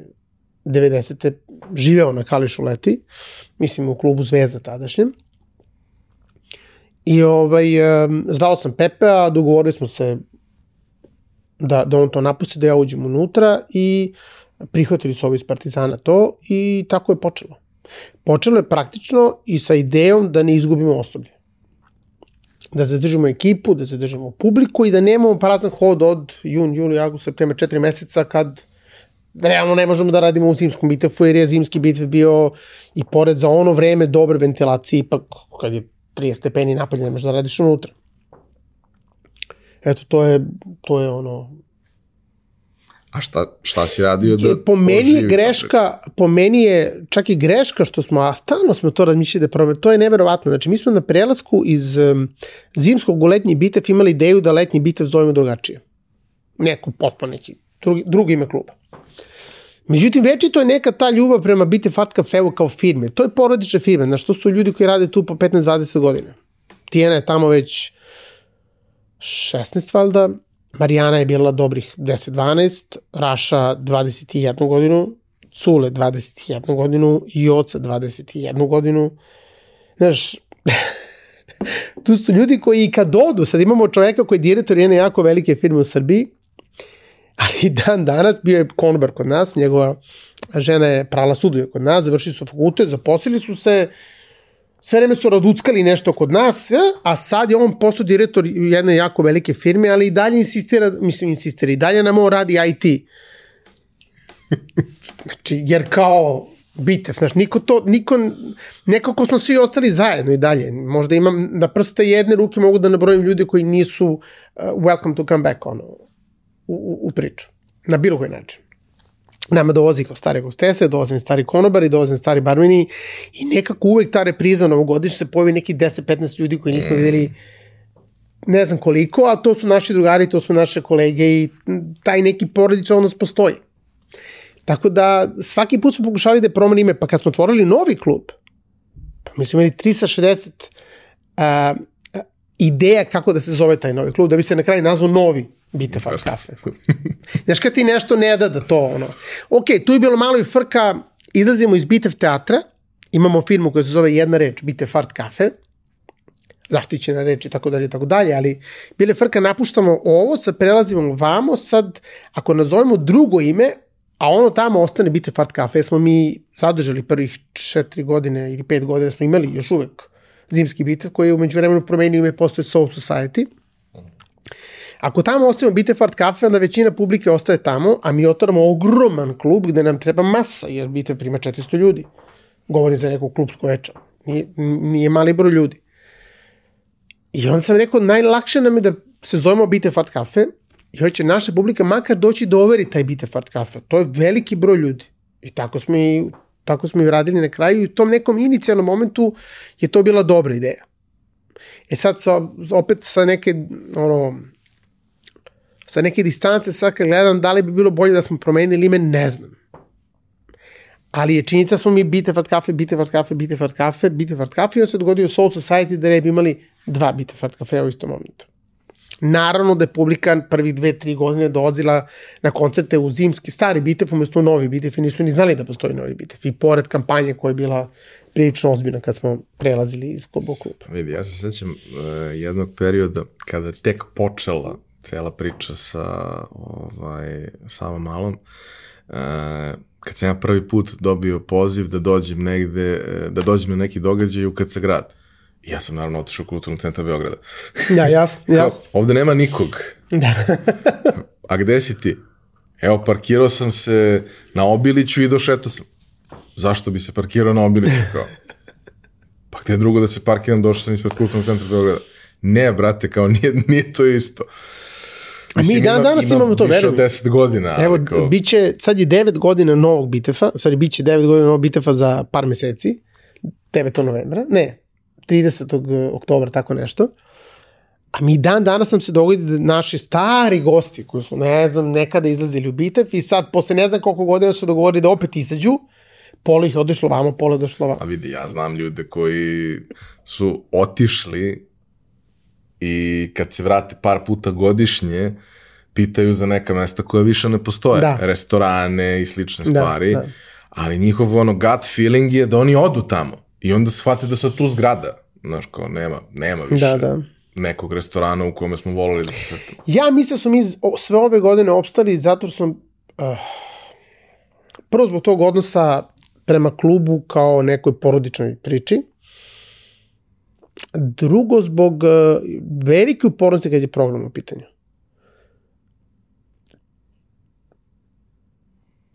Ja kažem često da se me najveći problem moje firme. Jer moj, uh, moja tvrdoglavost kod izbora programa je ponekad zapanjujuća i moje insistiranje na nekim stvarima je stvarno da me neko prebio ono, u ekipi, ono, da me uhvate Tijena i Raša i da me roknu. Ne bili bolje zarađivali i tako dalje. Ali ja sam jednostavno nekako odlučio kad smo već 21 godinu imali taj uh, zakon, da tako kažem, da nema narodnjaka u klubu, da to neće biti ni na privatnim žurkama, ni na svadbama, ni na šta god, kod nas idu rok svadbe, rok privatne žurke, ono, naši bendovi i tako dalje. Da je potpuno sumruto posle 21 godine takvog rada, sad otići u nešto što će ti doneti više para naravno i da otići u IDG, ne znam ili bilo što tome slično. I nekako sam odlučio da bijem neku svoj, ono, svoju bitku sa svime ome što se danas događa u kulturi Srbije, jer nema ko. Ja, mislim, ministarstvo se pretarano ne angažuje oko toga. Ne vidim da se pruža neka podrška mladim izvođačima ne vidim da se neko tangira što je najveći festival trenutno u Srbiji pored Exita, naravno ovaj, IDG, ovaj Music Week. Mm, ne vidim da se neko tangira što je na uh, Scorpionsima bilo u areni 7000 ljudi, a 30 matorih, a u areni bilo 30.000 klinjaca na IDG Music Weeku. Tako da sam ja napravio neku svojevrsnu uh, kulturnu, privatnu kulturnu ustanovu, gde radi neka ekipa koja tu provodi jako Komunu. mnogo vremena. Komunu, da, da, da. Pa, e, Demonja, Demonja je, uh, posle smo iskoristili to u kampanji, Demonja je dao najbolji opis uh, Bite Fajensa. Uh, rekao je, Bite Fartka Fajensa su paralelni Beograd. Ja sam nešto sedeli na nekom ručku i u jednom trenutku rekao, šta si ti žališ? Klopaš u Ensu, znači nemaš bolje da jedeš, uh, izlaziš u Bite Fart Cafe, ti odlučuješ ko će biti u kafeu, uvijek je dobra muzika, dolazite neki normalni ljudi, šta si ti žališ? Znaš ti bre, gde mi sve sviramo? Moramo da sviramo, živimo toga, jel? Znaš ti čovječe živiš u paralelnom Beogradu. I zato mi sad uvijek imamo taj hashtag paralelni Beograd kad uh, kačimo neke programe. E, ima taj jedan moment, prvi put kad sam došao, opet sa Nebojšom, kako drugačije, ovaj, imao sam neki osjećaj da smo mi najmlađi ljudi u klubu. Možda nismo bili, ali bilo je relativno malo ljudi koji su u tom trenutku bili u tim nekim ranim 20. u kojima smo mi bili, 22, 3, 4 mm -hmm. godine. Međutim, sad, kad se pojavim, to je moja generacija. To su ti ljudi koji su od 30 do 45, 50, ali ta neka moja generacija koja sad ima 37, 8, mi smo dominantni. A nigde drugo u gradu ne možeš da nađeš da je ta ekipa dominantna publika, otprilike. Ja, to, je, to je utisak mnogih i mi u gradu e, važimo za klub za stariju ekipu. Ali ja uopšte nemam tu percepciju. Da, u Seperejima su starija ekipa, zato što su u Seperejima uglavnom neki naši stari gosti, prijatelji, poznanici, poslovni partneri i tako dalje, onda su oni oko bine, onda su oni najvidljiviji i onda ti kad sediš na Sepereju preko puta vidiš mene, a ja vidim tebe i onda to, taj trip imamo. Međutim, a, pogotovo, s obzirom, so, pogotovo u ovom novom klubu, je prilično šarenolika ekipa. Ja, ali Imaš nema i... klinaca u onom smislu da vidiš klinca od 14-15 godina. Pa ne, ne, ne, ne, ne, ne, toga nema, ali recimo od 20 do, okay. do, do recimo, verovatno ima od 20 do 50 godina posetu. Ok. Da. da ok, da, to, da. Za, za pojam Beograda, to su sve stariji ljudi. Vero, verovatno. Verovatno. Ja mislim još par kluba da je, da je vrlo slična ekipa. Mislim da delimo, da na neki način delimo publiku sa kućicom, delili smo publiku sa Mladost s Radost. Da, da, okej, okay, naravno, da. Uošte Pepe i ja... Ali to su sve e, manje priče. Pa mladost, ludost, radost definitivno nije bila manje priča. Pa kad priča, mislim. Složiš broj ljudi sve... koji prolaze kroz te lokale u, u, u jednoj večeri je sigurno veći nego broj ljudi koji prođe kroz Bitev. Ali su oni imali i taj moment uh, Manji su lokali. lokacije i svega da. Da, si, da su oni bili prolazna priča gde ti dođeš na neko vreme pa odeš dalje. To je velika prednost, da, da, da. To je velika prednost jer se tu grupisala ekipa Mladost, Ludost, Radost, Brankov, uh, Tranzit, kad se grad, još je par, e, Ben Akiba, jel? Da. I tu se grupisa bio i ovaj Hype i Da, da, pa Martinez, ne je znam šta bilo nije bilo. Ti može da izađeš u Sava Malu i gde god ne možeš da uđeš, uđeš neki sledeći lokal. I Ti kad dođeš u Bitev, je negde. ti kad dođeš u Bitev, prvo moraš da odeš na drugu stranu, Znaš, Bitev je ovde, mi smo na 2 km Da, trga. ciljano. I ovi su na 2 km trga, ali ovi su svi zajedno na 2 km trga, mi smo na suprotnoj strani. Ti kad dođeš u Bitev, dođeš u Bitev da ostaneš od 11 do 3 i onda ko ima snage ide dalje, ko nema snage ide kući. Ti kad dođeš u mladu sudus radost, promeniš, promeniš 10 lokala za večer. E, ajmo da se vratimo na musicology, zato što je to opet jedna paralelna priča koja je, verujem, dodala ozbiljnu vrednost uh, celom brendu, iako, ok, postoji kao nezavisni brend, ali svima je, prvo i, i ono, estetikom i negde mislim čak i da piše da je powered by. Ovaj, ali je E, znaš, ja sam nakon dve godine podcasta zapravo shvatio da mi nismo podcast koji se bavi preduzetništvom, nego mi pričamo priče ljudi koji vole sebi da komplikuju život. I ti, pa, pa ima razlog zašto si ovde. ovaj, ali ja stvarno mislim da je to jedini način da napraviš neku promenu. Nije jedini način da se obogatiš, da se razumemo. Možeš ti apsolutno da ideš niz reku i da se obogatiš ono, gađajući gde treba, ali vrlo redko na taj način učiniš bilo šta dobro za društvo i za neku grupu ljudi koja je tebi važna. E, to što ste napravili sa musicologijem je potpuno suludo, Da. pot, potpuno suludo, ali istovremeno i magija.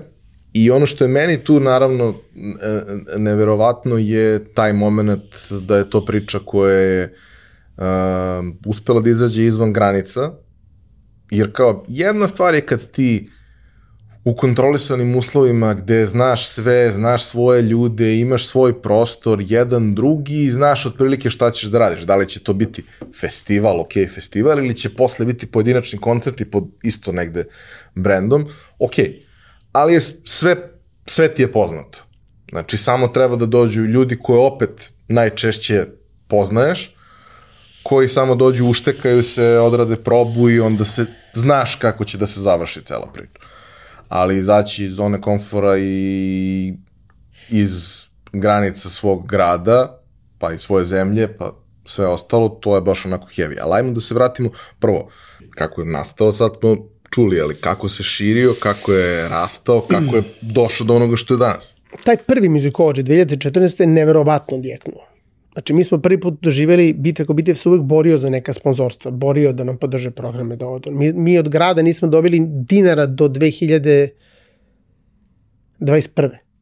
Dinara, Mašal. nikad. Od grada, od Republike, ni od koga. Onda smo 2022. 21. dobili prvi put pomoć od CBF-a.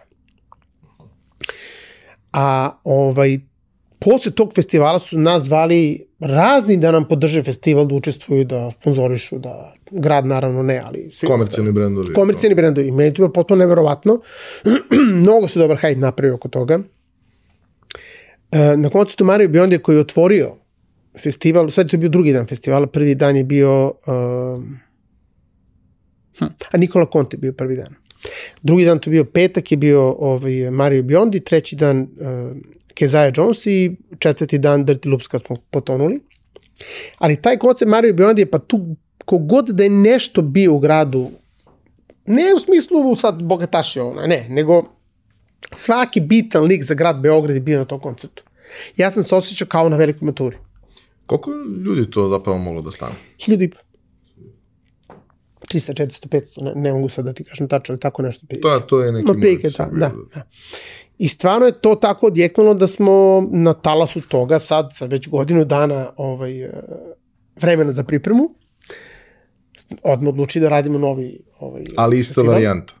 ista varijanta, ista pozicija, isto vreme i tako dalje. Iako sam već tada shvatio, kad sam gledao The Tumor, već sam tada shvatio da će jako nezgodno pasti ta nedelja kad mi održamo festival. Jer mi održamo festival dve nedelje posle Exita. A to je zaista period u Beogradu nema nikoga. Međutim, te godine, kad smo prvi put radili festival, je to bilo treći vikend u julu, pa još ljudi i bilo. A naredne godine sam vidio da taj festival pada 26. do 29. recimo jula. I to mi je već bilo onako malo zabrinjavajuće, ali kao imamo godinu dana vremena kad smo sad ovo uradili, mislim... Dobro, znaš šta, jeste, u tom trenutku nema nikog u Beogradu, ali svi koji su tu baš i nemaju neki... Nemaju pametni pa to je negdje bili moja logika, bravo, to je negdje bili moja logika. I ja sada za sledeći festival već imam ozbiljniji budžet, odlučujem da uh, uzmem dva teniska terena, da napravimo ozbiljniji line-up, veća bina, veće sve, kako su, megaloman, naravno, sve da bude wow. Da praktično klub, pošto su se malo bunili oko backstage-a, da klub bude, ceo klub da bude backstage, da imaju prosto za sebe izvođači, i da publika logično uđe odmah u, u, u publiku, onda ne, ne, a da ne moraju da prođu pored bine pa da uđu u polje. I bukiramo, uh, bukiram Brand New Heavies, bukiram uh, A, bukiram, uh, nažalost, pokojnog uh, Duška Gojkovića. Penny Heavis Duško Gojković. A, bukiram Lee Warford i New Power Generation. Prince of Band i njegovu ovaj, miljenicu, ženu koja je pisao album Lee Warfield. Zmaja, od vokalnih zmaja, ono, bukvalno. I pravimo ozbiljnu kampanju imamo sad već budžet da možemo uzmemo billboarde, sad već pravimo ozbiljnu kampanju za te muzikolođi i to je vjerojatno jedno od najvećih razočaranja mojih. Prvo večer na Duško Gojkoviću 500-600 ljudi.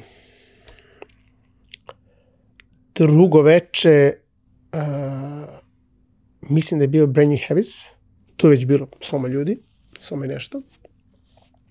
I treće veče da ja očekujem wow, Lee Warfield i New Power Generation, ja mislim da smo imali 350 ljudi na dva teniska terena. Znači to, s obzirom da Binance uzima trećinu prvog terena, mislim da nismo ni prvi ter teren ispunili. Bez obzira na sve štandove sponzora koji su bili okolo i to je stvarno izgledalo onako stravičan svirka, fenomenalno veče i svi se kao zahvaljuju što sam ih nagovorio, da, pazi, ja sam ljude nagovarao da dođe na koncert i rekao ako, ako se ne bude sviđalo, vraćam pare. Par ljudi mi je posle ga prišao rekao hvala ti, sam ovo pustio, ono, rokno bi se. Međutim, mi na tom koncertu jako puno para izgubimo. I dolazi Gregory Porter. Naravno, soma i po ljudi, sve sad kako treba i tako dalje, ali ja van sebe, ono, bukvalno u srce, srce mi krvari, ne mogu da shvatim da u mom gradu od milion i po ljudi, jel, nema soma i po ljudi za takve programe. Meni to potpuno ne objašnja. Ja to i dan danas ne mogu da sebi objasnim. I da, ne samo to, nego sad kad me neki koncert gde treba dođe 400 ljudi, ne bude 400 ljudi, ja sam razočaran. Nisam razočaran što sam izgubio novac ili zaradio malo ili ne, šta god. Da to sam spreman sami tim što radim, to što radim, taj muzikolođi ne može da bude ne znam kako profitabilan. Jednostavno imamo 400 mesta, ti bendovi koštaju 10, 12, 15 hiljada evra, znači moramo da damo sve karte, moramo da damo sponzorski deo para, da bi ošte mogli da dovedemo te izvođače. I ja izlazim na binu i prva rečenica, Beograd šta nam se dogodilo. Tijena stoji sa strane, kaže, nemoj, molim te. Sećam se Biba iz Japata Opaka mi isto gleda samo ovako, je tako jedan lik, ono stoji sa strane samo ovako kaže, sad će bude svašta. Ja krenem, šta nam se dogodilo, ljudi, vi znate da su svirali, ne znam, Duško Gojković, Premium Heavies, da je svirao Live Off i New Power Generation, da niko od vas nije došao. Da li je moguće da ovaj grad, da u ovom gradu ne postoji hiljadu ljudi koji će doći na ovakav festival, koji će nam vratiti za ono što pružamo da bi mi mogli opet da pružimo i održi jedan govor koji onako, pola ljudi je bilo, tako je, konačno neko to da kaže, a pola ljudi počeo da zviždi, ko što, majmune, došli smo na konce Gregora Portera, a ti nam tu, Gregori Portera, a ti nas tu maltene napušavaš sredine. I sad mi odlazimo na odmor posle te, tog drugog muzikolođe, ja, mrtav čovjek hoda. Mrtav čovjek hoda. Ono, da li može moj grad toliko propao, da, da, da, da, da smo toliko prsli, da, da, da, ne mogu da verujem. Jako sam vezan za Beograd. Mislim, to je moj rodni grad. Jako sam vezan za Beograd. I odlazimo, sećam se na lošin tijena koje pokušava da me raspoloži. Ja, ko šta radi, pišem sam sebi pisma, a u stvari želim da se obratim javnosti, želim da, da, da to okačim na Facebook, znači ne, izbacim iz sebe taj, tu, tu, tu, taj šok i nezdovoljstvo i tugu da se to što je dogodilo. To što smo mi pukli svojih 15-20 hiljada evra, to je potpuno u drugom planu. Ja sam razočaran. Emotivac. I na kraju spreči mene Tijena, malo Biba, malo Tijena, ali uglavnom Tijena me spreči da to objavim i tako dalje. Međutim, ovaj, ja shvatim da mi sledeće godine ne možemo da radimo festival. Mnogo smo bara pukli. Platili smo sve što smo zaradili u sezoni Bitefa pukli na festival. Plate dolaze, mi treba platimo te plate i tako dalje. I mi praktično odustajemo od festivala, pola sponzora se polako povuklo, nije bio dobro, to se nije dobro ispalo. I dan danas moram da primitim da taj festival perfektno vreme, da je bilo preko 30 stepeni svaki dan, teget nebo, kapica kiše nije pala, a mi smo lošije prošli sa jačim line-upom nego prve godine. Sa jačom kampanjom. To mi totalno neobjašnjivo bilo. Da li je zaista ta nedelja 21.3. do 26.9. da li to ta razlika kad ljudi jednostavno otputuju? Ne znam, ne znam. U svakom slučaju, u, u, u nekim razmišljanjima šta ćemo i kako ćemo, Tijana ili ja ili Tijana i ja dolazimo ovaj, na ideju, čak možda Tijana, Tijana ideja, to je bila više ni sam ne znam, da radimo festival u klubu, odnosno da radimo te koncerte u klubu. I onda ja dozvam ideju da napravim Musicology Sessions.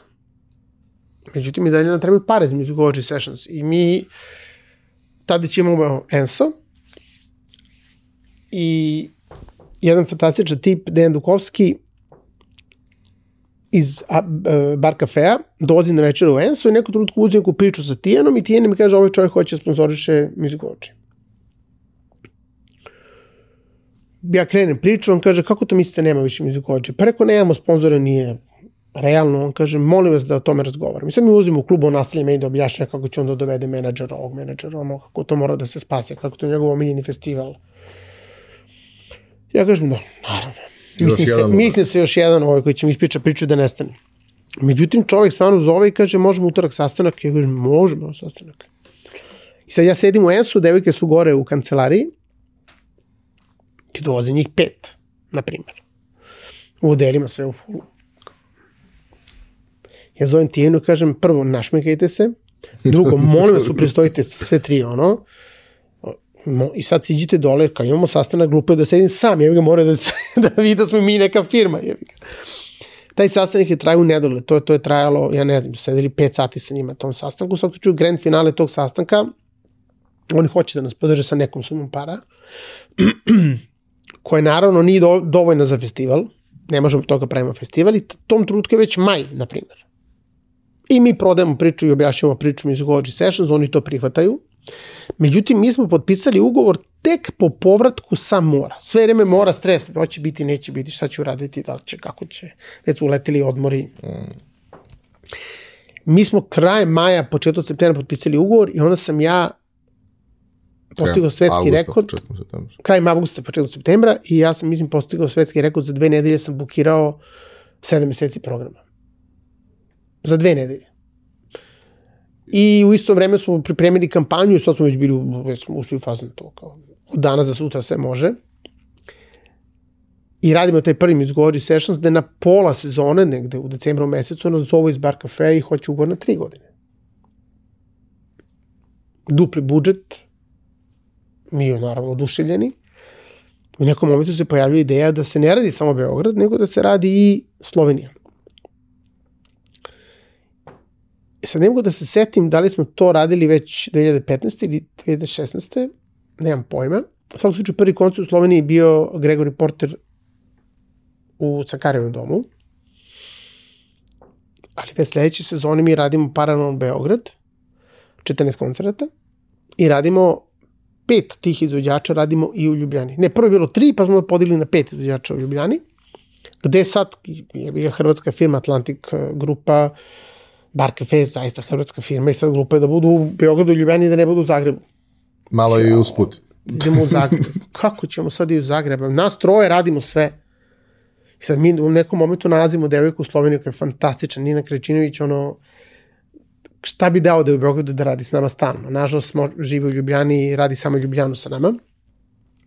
Uzimamo uh, bivšu Masimovu menadžerku Martinu Crnković da nam radi Zagreb i krećemo opet juriš u nešto da ne, ne znamo gde idemo, ne znamo šta radimo. Znamo da ćemo raditi u tvornici, a da, tražimo mesto da ćemo da zaradimo festival u Zagrebu. I sad ima, ne znam, neki kongresni prostor, pa ima, ne znam, ovo, pa ima, ne znam, ono, nema prostora. Jer kao tvornica nije in, tvornica nije dobra, treba da se radi u laubi, lauba je kao sad in prostor, uđemo laubu, uradimo ovo, sve na pa, pa, pa, pa. shvatim da ne, ne može se namesti zvuk nikad. A meni ideja muzikolođe mora bude dobra ventilacija, mora da bude dobar zvuk, ne samo da prekrcavamo, ljudi moraju da žive u muzici, pa onda eventualno svetlo, ekran, ovo, on, ali muzika je fokus. Ja neću da radim u laubi i kažem sebi, daj da vidim tu tvornicu, ono, odem u tvornicu, oni srušili tvornicu. Stvarno, srušili tvornicu i pitam kad je ovo gotovo, kaže, otvora se tad i tad. Rekao, mator. Znači, bit će renovirano, sve u cigli, skocka nije mnogo nego što je ranije bilo, i ja to pre predložim Bar Cafe, oni prihvate, pokažem projekat, kažem, ovo je vrlo korektno izgleda i bit će super klub. Tako kreće Hrvatska. I sad ja e, po ugledu na Rooney Scott i na Blue Note uvek najavljujem u Bitefu svakog izvođača. Tog tipa. Zahvalim se sponsorima, što neki ljudi ne kapiraju, bez tih sponzora nema muzikologija. Mi ne možemo da napatimo kartu ne znam, 100 evra za koncert Roberta Glaspera, jer naša publika to ne može da plati ili neće da plati. Jel? Tako da sve to što se plaćaju karte nekada 15, sada 25 ili 20 ili 27 ili 18 evra, to je zato što sponzori plate još toliko da bi mi mogli da ove, držimo te koncerte. Ja se naravno zakladnim sponsorima najavim izvođača, to sam radi i u Ljubljani, na nekom pokušaju slovenačko koje me nije nauči, ali nikako mi ne ide, ali se trudim, trudim se. I sad ovaj, ja sad kao da izađem na binu i meni Martina kaže, baš mora da se, mislim, da čisto srpsko da se obraćaš, obraćaš ono, kaj rekom, Martina, ali ljudi koji dolaze na ove koncerte, to je druga publika, to nije Bad Blue Boys, ono, mislim, to je publika koja je sreća što smo doveli ovo izvođače u Hrvatsku, jer ih niko ne bi doveo, kao što ih niko ne bi doveo ni u Srbiju, kao što ih niko ne dovodi manje više ni u Ljubljanima, da tamo je mnogo razvijenija ta koncertna scena. I ja naravno izlazim na binu i na čisto srpskom ovaj, se obraćam publici, e, ovi reaguju fantastično i da, dešava se ljubav na prvi pogled i Zagreb vrlo brzo ovaj, e, ima svoj Musicology Sessions Zagreb. I mi 2019. godina zaista ovako idemo. I klub i Musicology u tri države, planiramo Makedoniju, planiramo Trst, pošto je kao već tu. Prošljamo da imamo pet gradova, jer ako imamo pet gradova, mi praktično uzimamo nekome nedelju dana turneju, gde god da su, šta god da su, to je sedam dana gde ti sa jako malo vožnje najduža vožnja je Beograd-Zagreb. Što je četiri sata, što nije strašno. Nije strašno. E, Ljubljana, Zagreb je sat i nešto, Trst, Ljubljana je sat, Beograd, Skoplje opet neki četiri sata, Tako, znači u jako malo, jako malo cimanja, imaš pet koncerata vezano sa istim backlineom, sa istim čovekom pored tebe, sa mnom, jer ja putujem sa bendovima. Mnogo dobra priča. Vraćam se sa skijanja 2020. Preko Italije, pošto bio sam skijen u Francuskoj, preko Italije se vraćam u, u ovo i vidim neku frku Italije, ali još uvek ne kapiram COVID, korona i sve to ovde naravno. Kaka COVID, kaka korona. Mesec dana kasnije se događa što se događa. Naravno, sponzori blokiraju bilo kakve akcije, bilo kakve okupljenja i država blokira vrlo brzo sve to. Mi otkazujemo 19 koncerata, od kojih je, na primjer, 7 raspredatih koncerata. Praktično otkazujemo i sve staje. 2020. smo delimično završili sezonu 19-20. Onaj neki period kad su nas malo pustili preko leta da radimo, smo uspili da odadimo dva, tri koncerta. I sad je opstanak Music u velik, pod velikim pitanjem, nemamo sponzora, nijedan sponzor neće da uloži u, u nešto što će se možda dogoditi, možda se neće dogoditi, jer COVID je uvijek tu, i strah i panika. I događa se CEBEF. potpuno neplanirano, jer čak nismo ni aplikovali za CBF, nego sam naleteo na Anu iz CBF-a i ona pitala što ti nas nikad ne zoveš, ja kažem pa zvao sam vas tada i tad i dva puta ste mi rekli da ćete mi pomoći, da će, ne ona konkretno, nego njeni uh, prethodnici da će mi pomoći, onda ste last minute nešto izašli napolje, mi vas već stavili na billboard, da rekao, pravo ti kažem, odustao sam. Ma daj, kao, da vidimo sutra na uške, se ispričamo, da vidimo šta radiš, ovo, ono, tralala, i mi dobijemo prvi put pomoć od grada i praktično na CBF u tom momentu spase Musicology jer ne bi mogli, mogli niče da radimo. Ostali su nam apatinci, ostao nam je uh, Lenovo, I to je to Japan Tobacco gde i kako mogu pomognu. I taj Musicology već dve godine živi na, na aparatima uh, i pokušamo da se vratimo u, u ono što je bilo 2019. O, mislim, da, mislim da mnogo ljudi ovaj, će propatiti još par godina mm. da bi došlo do toga kako je bilo pre, pre COVID-a. Posebno ljudi koji su u, u entertainmentu i, i ugostiteljstvu. Ali ono što, što ono, uvek preletiš preko toga, ne, ne baviš se time više, a volio bi da kažemo malo više o svemu tome, ovaj, jeste taj neki prvo poseban odnos koji, koji, koji postoji sa izvođačima, jer postoji razlog zašto se ti ljudi vraćaju, a taj razlog da. nisu pare, mm. tako da treba da objasnimo šta je taj razlog. Ove, a drugo, mi pričamo o nekim imenima koja su prilično ozbiljna.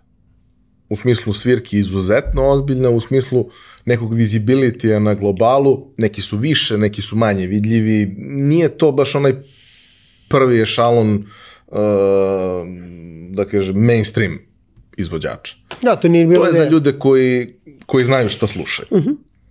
Ali su to ozbiljni ljudi.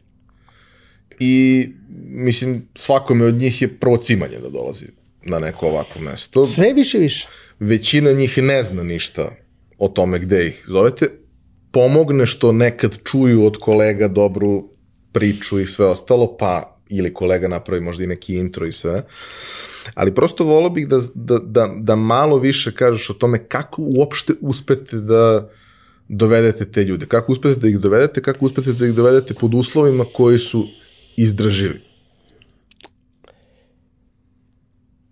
E, ovako.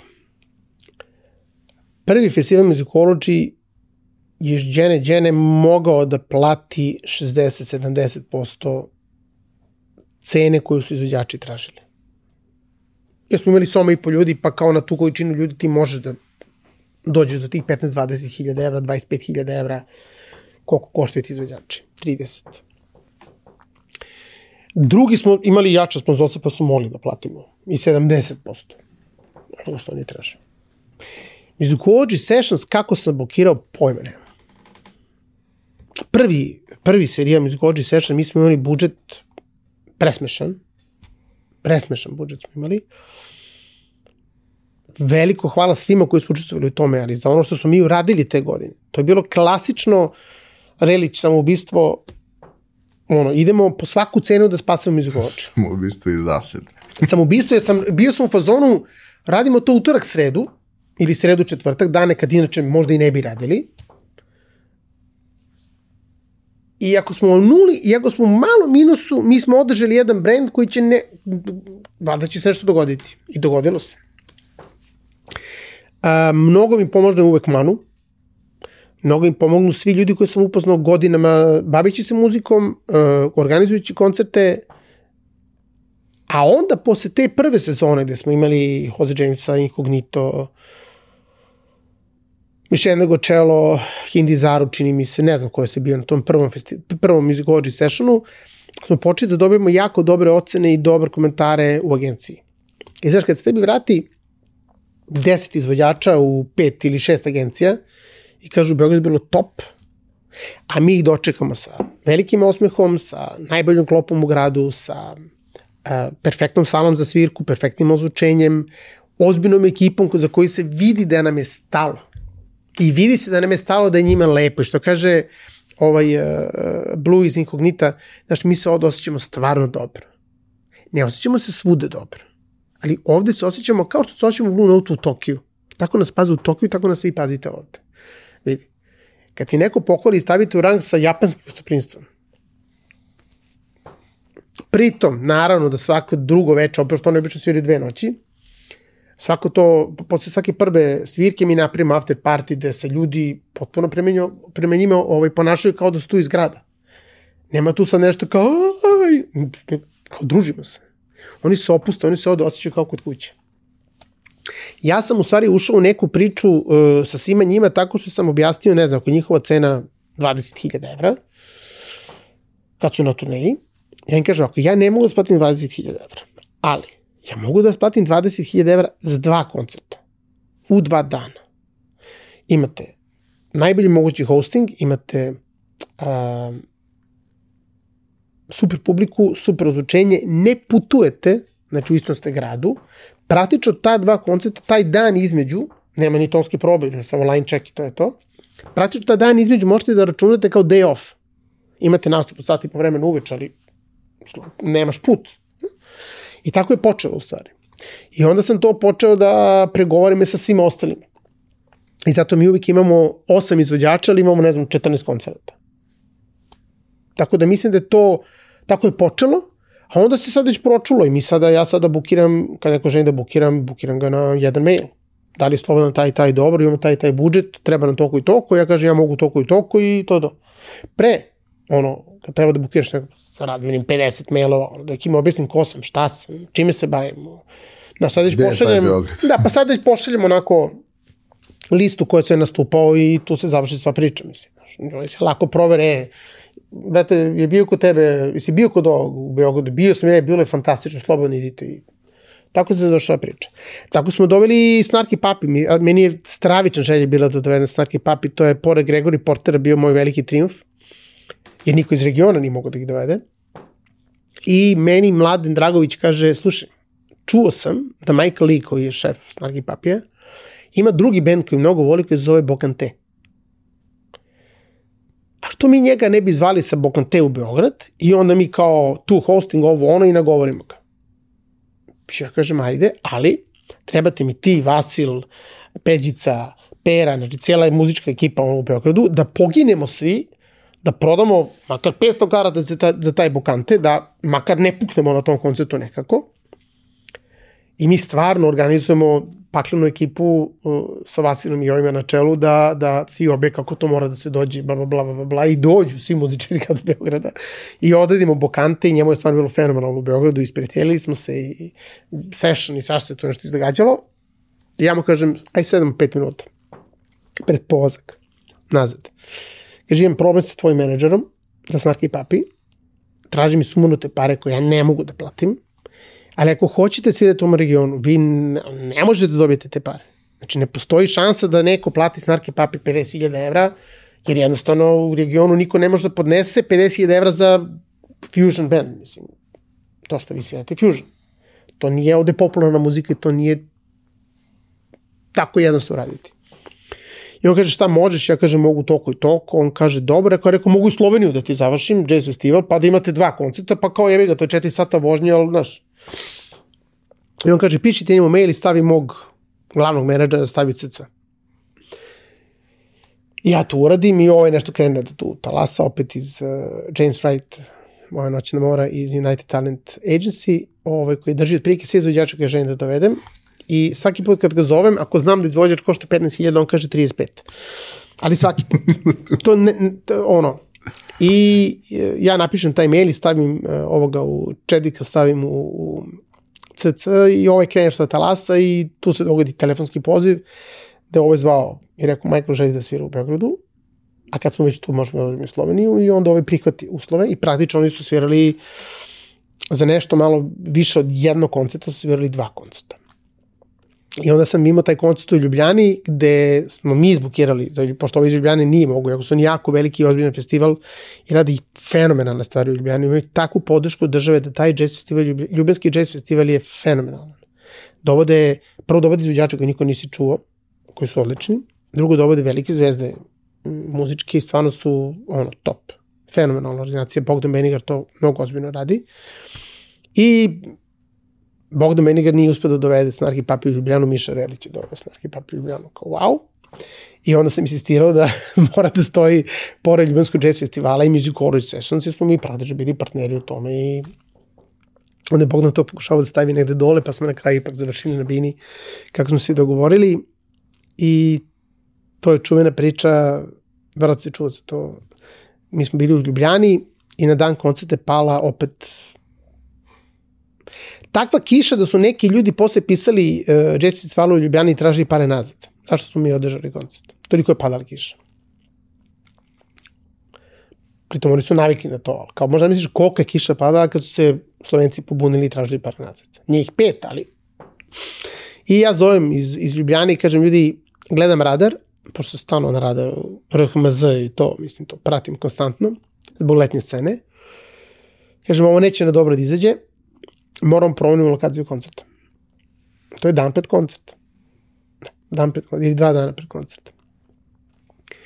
I ovaj, um, zovem tadašnjeg direktora hale sportova, Deki Epetičić i kažem, Deki, šta imate sutra u hali? Kaže, nemamo ništa, možda uđemo koncert. Kaže, pa možete ište koncert, morate platiti rentu. Ja kažem, dobro, ali sad je petak, znači ne mogu ti platiti rentu, mogu samo da ti obećam da ću ti platiti rentu. Mogu da ti pošaljem pare u kešu da ću ti platiti, ali ne, ne mogu fizički da ti platim unapred. I mi se to dogovorimo i stvarno dignemo celu binu, sve, sa kališa i nosi u halu sportova. Taj dan je takva kiša pala u Beogradu da nije mogu da se uđe u halu sportova.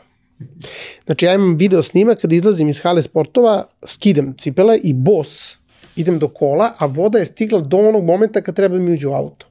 Znači do vrata je stigla voda. Ceo grad je stao, ali mi sad znamo da sad ako ne uradimo snarke papi nikad ih uraditi nećemo. Znači nema ne, ne da nema opcije od ovaj odlaganja, nego ne nikad se više vratiti neće. Možemo samo da vratimo svima pare i da Beograd ne vidi snarki papi. I sad je uspod objašnjava Majklu da je pakao u Beogradu, da moramo da uđemo unutra, tralala, da baš hala i nije idealna, ali da ćemo dati svoj maksimum i tako dalje i sad mi ih dovodimo u halu sportova, hala sportova, ono, zvono, a ne hala. Međutim, oni su bili stvarno super, ono, super su bili, stvarno nismo nikakav problem sa njima, malo nas je Rozen, njihova menedžerka, ovaj, tour menedžerka, mučila, ali ona, ona mora da bude takva i ona, ono, nju kad vidim, znam da će biti teško. I mi smo održali taj koncert, samo ću reći da tokom toske probe uh, kroz krov hale sportova padala kiša na metar i po od mix pulta. Dakle, tamo da stoji mikser, metar i po iza toga je bio Nijegarani vodopati. A ja i koleginica smo stavili velike kofe, pa smo oko, oko kofa ovaj, džogerom brisali vodu. Dakle, to se događalo. I na kraju su ljudi ulazili kroz, praktično kroz backstage u prostor jer nije mogu da se uđe na glavni ulaz. Ali ono što je meni potpuno neverovatno, došlo je 2350 ljudi sa kupljenim kartama na koncert. Kako su došli, ne znam. Čak su bili neki Turci, koji su doputovali dan ranije u Beograd zbog koncerta, a, Bosanci, Makedonci, Hrvati, ovi koji svi, celo, svi koji su muzičari ono, iz, okruženja, Bugari. Kako su oni došli, ja nemam pojma kako su probali do, do I koncert se održi i sad za kraj koncerta idemo bis, to je bis koji se zna, taj bis se održava. Silaze oni Sabine, urlaju svi u hali, znači to je delirium u, hali sportova, neverovatna atmosfera, taj koncert je bio neverovatna atmosfera. Oni se vraćaju na drugi bis koji već nije planiran, ali kao vrate se ponekad na drugi bis. I silaze drugi put i Rozen uzima ovako olovku i maše toncu, onom sve sveti koji maše toncu da pusti muziku.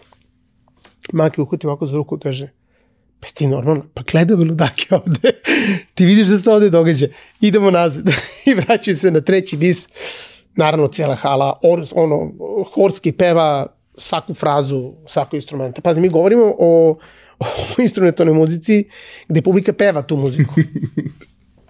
Mm, evo sad se ono naježim kad setim tog koncerta. Završi se koncert, delirio sve super. Naravno, bilo ljudi koji su bili ljuti što su možda održali koncert opet, što eto, nije bio dobar zvuk na određenim pozicijama u hali, ako nisi bio u onom prostoru uh, do mix puta, naravno da nije bilo idealno, jer je hala zvoni pa zvoni, ta hala je veća od toga što smo mi imali 2350 ljudi, tamo na primjer staje 5000. Znači nije, nismo mogli, da, izvukli smo maksimum koliko smo mogli. I više od toga. I mi sad izlazimo iz hale na zadnji izlaz, ne rade svetlo u Beogradu, mrak totalni, izlazi Lenka, Miša i Michael League, hvala Bogu.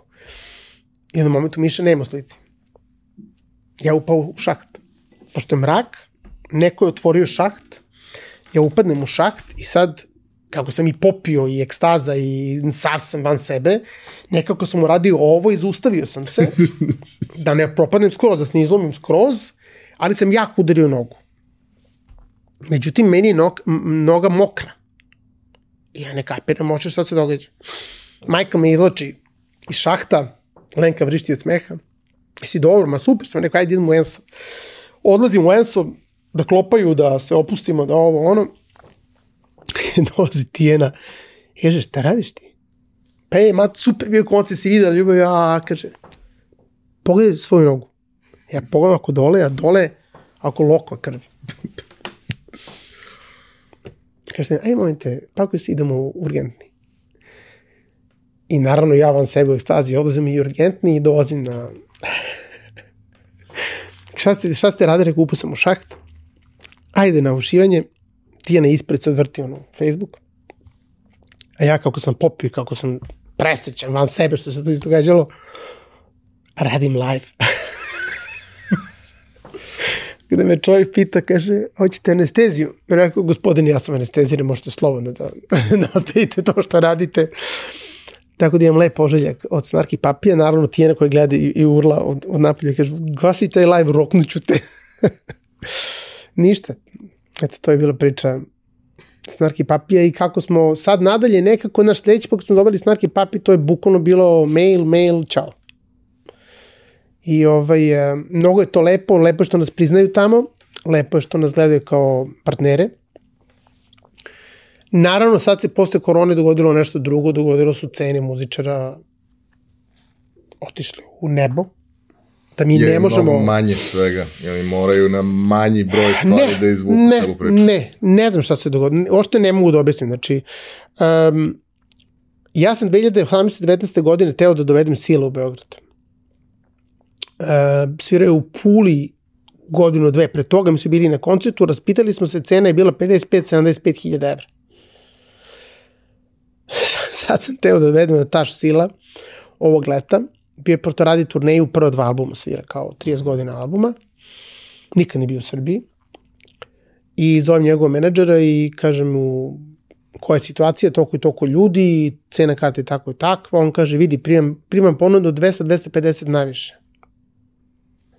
Ja početi se smijem, šta bi, ti normalan, kakav ono, čovjek nisi do ploču 12 godina.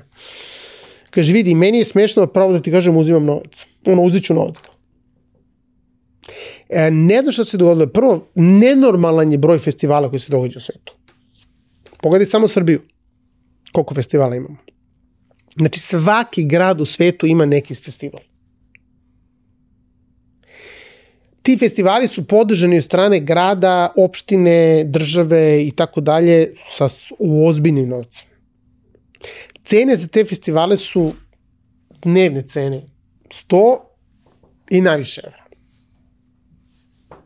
50.000 ljudi puta 100 evra ili 30.000 ljudi puta 100 evra, to je ozbiljan budžet za jedan festival, plus lova koju dobiju od grada i tako dalje i tako dalje.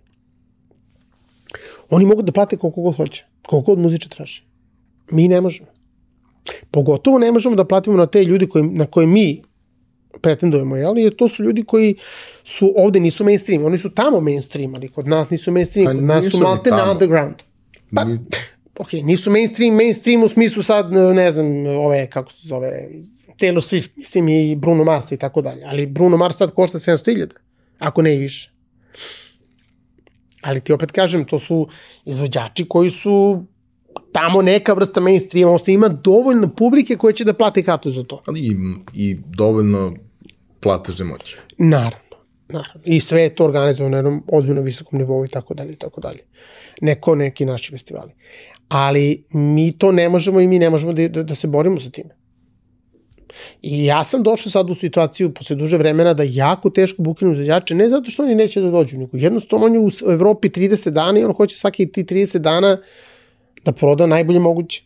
To mu je posao, posao nekog buke gadgeta da to proda najbolje moguće. I džaba njemu što ja nudim četiri koncerta ili pet koncerta u kombinaciji sa Skopljem, kad on ni u Skoplju ni u Beogradu ne može da dobije punu cenu, u Zagrebu i Ljubljani može približno da dobije neku cenu, ali sve to zajedno njemu za toliko dana Ne igra. ne igra. Tako da smo sad u akciji traženja sponzora za Musicology generalnog, jer mi sad nemamo generalno sponzor, imamo, rekao sam ti, CB Flenovo, Apatinsku pivaru i CB Flenova Apatinska pivara, poneka ambasada. To je to. I sad tražimo generalno sponzora da bi opet došli u situaciju da ošte možemo da pokušamo da se takmičimo sa uh, inostranstvom. Znači, mi smo, Srbija je na neki način pod sankcijama. Pod kulturološkim, kulturnim sankcijama, kako da ih nazovem, ne znam kako da ih nazovem. Ali mi smo pod sankcijama zbog love. Znači, ne mora ni zvanično da nam lupe sankcije. Ali pogledaj ko je svirao u areni u poslednje dve godine. Pa mislim, kad pogledaš ko je svirao po regionu mm -hmm. i Mhm. kad shvatiš da su manje više svi ti ljudi nas zaobišli, Da. a i oni koji nisu zaobišli nisu baš sjajno prošli, tako da se verovatno vraćati neće, Neće. Ovaj, onda je to onako malo upitno. I ti Scorpionsi koje si pomenuo, oni su koliko, četiri puta pomerali koncert i na kraju bili poluprazni. Mada koliko sam čuo, koncert je bio dobar. Ma, Ali, ali, to mislim, je da. ozbiljna produkcija, ozbiljna priča, ozbiljni muzičari, to ne može da ne bude dobar koncert, ali ti uzmeš arenu gde ti treba da prodaš 12.000 karata bi bio na nuli, a ti prodaš 7.000 karata i to je, pff, to je ozbiljan gubitak. Drugo, ti Scorpionsi neće da dođu da se blamiraju, da sviraju pred polupraznom arenom. Ne pada na kraj pameti. Džaba pare, nekim, znaš, tim izvođačima više ni pare nisu bitni, oni će uvijek naći Posebno- 30 gradova gde će svirati. Tako je. 50 gradova, 70 gradova gde će svirati. I to ako nije ne problem. mogu da nađu, sviraću manje gradova. Jest. Nije problem da se svira u Francuskoj 30 koncerta, jer ima 30 mjesta da možeš da sviraš u arenama i to je potpuno okej. E, nismo se dotakli Jensa, volao bi da se dotaknemo e, i Jensa, jer to je opet jedna suluda priča, ovaj, koja je uspela da se izbori za svoje mesto, iako meni to apsolutno nije delovalo kao da će da, da se odvoji od zemlje. Um, uspela se izbori za svoje mesto, uspela da bude priznata, i sa strane, da kažemo, neke stručne javnosti, ajde, taj deo je manji problem, ali da bude priznata od strane ljudi koji su zapravo publika. Koji su standardi? Jer mi stalno ostalog. pričamo o tome kao, znaš, ovo je grad od 2 miliona ljudi, milion i po, nebitno, dva, verovatno, bliže dva. Da. Ali je vrlo upitno kako ti ljudi žive i koliko njih uh, ispunjava, da kažem, ono, finansijske preduslove da može da živi neki život na nekom malo višem nivou, a da ih uopšte to interesuje. Da ih sadržaj koji, koji ti praviš ili muzički ili u ovom smislu u, ugostiteljski, ovaj, interesuje, da oni to razumeju. Jer kod nas vrlo često ljudi koji imaju novac nisu ljudi koji bi bili nešto što bismo nazvali kulturnom elitom ili prosto nemaju tu vrstu interesovanja. Ajde, ne moramo da pričamo o ljudima koji su futbaleri, pevačice, estrada i sve ostalo. Evi ga, brate, IT-evci nisu, nisu po defaultu publika za nešto tako. Oni su neka svoja da. opet priča. Znaš, i, i ja, ono, kad, kad saberem sve unazad, najviše vremena sam proveo slušajući elektroniku. Slušao sam i svašta drugo. Najbolji koncerti u mom životu nisu iz tog domena. Ali najviše vremena sam proveo slušajući to. I kao, nema baš tu toliko preklapanja i svega. Kako je, Enzo? zašto, pobogu? Odmah da ti kažem, najbolji deo priče večer, ovaj, sadašnje je e, što ja nisam kriv ovaj, za to što sam postao fine dining restoran. Molim lepo. Znači, to nisam ja kriv. Donekle, donekle jesam, ali nisam ja kriv. Moja ideja je bila da će Enso da Evo bude... jedna stvar za koju nisi. Nisam kriv, molim lepo. Znači, moja ideja je bila da Enso bude sophisticated tapas bar. Dakle, da napravimo sofistike, ono što je Toro napravio, ja sam mislio da to je jako dobra biznis ideja i dalje mislim da to je jedna od najboljih biznis, biznis ideja u gradu. Ti tapasi su uh, fenomenalna ideja. M su interesantni, M idu uz piće, M se na ti jednostavno moraš da poručiš toga jako puno, na kraju potrošiš više nego ne- neko, ne, nekom restoranu za neki biftek ili ne znam ja šta, šta je skupo, jel? I moj ideja je bila da napravimo sophisticated tapas bar, da uradimo uh, uh, uh, tapase koji će da budu stvarno dobri, drugačiji, i da to budu sklopu, naš, dođeš na grickanje ovo ono, neki DJ, tralala, onda uđeš u klub, ili si iz kluba uđeš u ovo, pa kao klopaš. I sad tražimo kuvare, u nekom momentu uh, neka kombinacija bila sa nekim uh, tajlanđaninom, odnosno indonežaninom i nekim italijanom. Uh, indonežanin dobije posao u five star hotelu. Znam čovek. Izlazimo, ispadamo iz kombinacije sa njim. Ja nemam kuvare, a zidam restoran. To je već to je letnja scena uh, 2015. Ja nemam kuvare, a zidam restoran koji treba se otvori u mojoj glavi za dva mjeseca otvorio se za tri, ali i dalje nemam kuvare. I jedan onako ozbiljno uh, gost koji je dobro popio, izlazi iz letnje scene i ovaj, uh, ja nešto pričam sa koleginicom, sa Kostesom u klubu i on tu nešto s nama krene da priča i mi pomenemo restoran i da tražimo kuvare. Kaže, pff, najbolji kuvari u gradu su Uroš i Neđa. Ja kažem, dobro, brate, ne, ne, ne, najbolji kuvari. I sad to ozbiljno pijanstvo, ja sad ja bih iskuliram gosta, sve u redu. Ode čovek, ja nastavim tu da pričam sa koleginicom i sutra ujutro se probudim i kažem sebi, šta ja mi izgubim? I okrenem ja koleginicu, ko je onaj ludak juče? I ona kaže, ej, znam njega, Stefan je na rezervaciji to i to i mi nađemo rezervaciju, nađemo čovjek, kažem, ko su Uroš i neđe?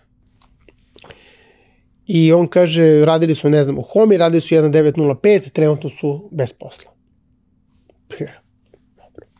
Zovem ja njih na razgovor, mi se ispričamo, kombinacija sledeća. Uroš ima kosu do ovde, sluša, to nije heavy metal, to je neki hard rock, ja ne znam kako zove taj pravac muzike, ali rock, rokačina onako. Vozi bicikl i jede slatko.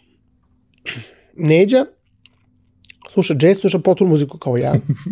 Ja se bukvalno nekad konsultujem sa Neđom oko muzike, jer ono Neđ ima ono potpuno specifičan ukus. Um, ovo je visok, a Neđe je nizak. Neđe je skroz kratko ošišan.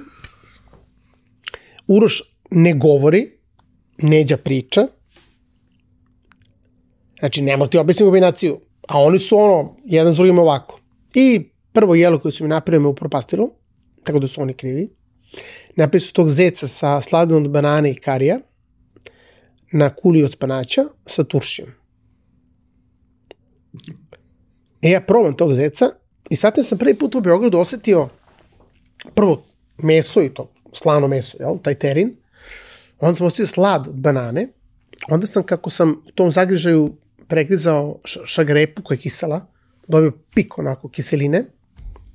I kad sam sažvakao i pojao, ovde se pojavio kari. Onako peckala me ljutina od karije. Jebate, četiri ukusu, jedan za Wow, kakva vožnja.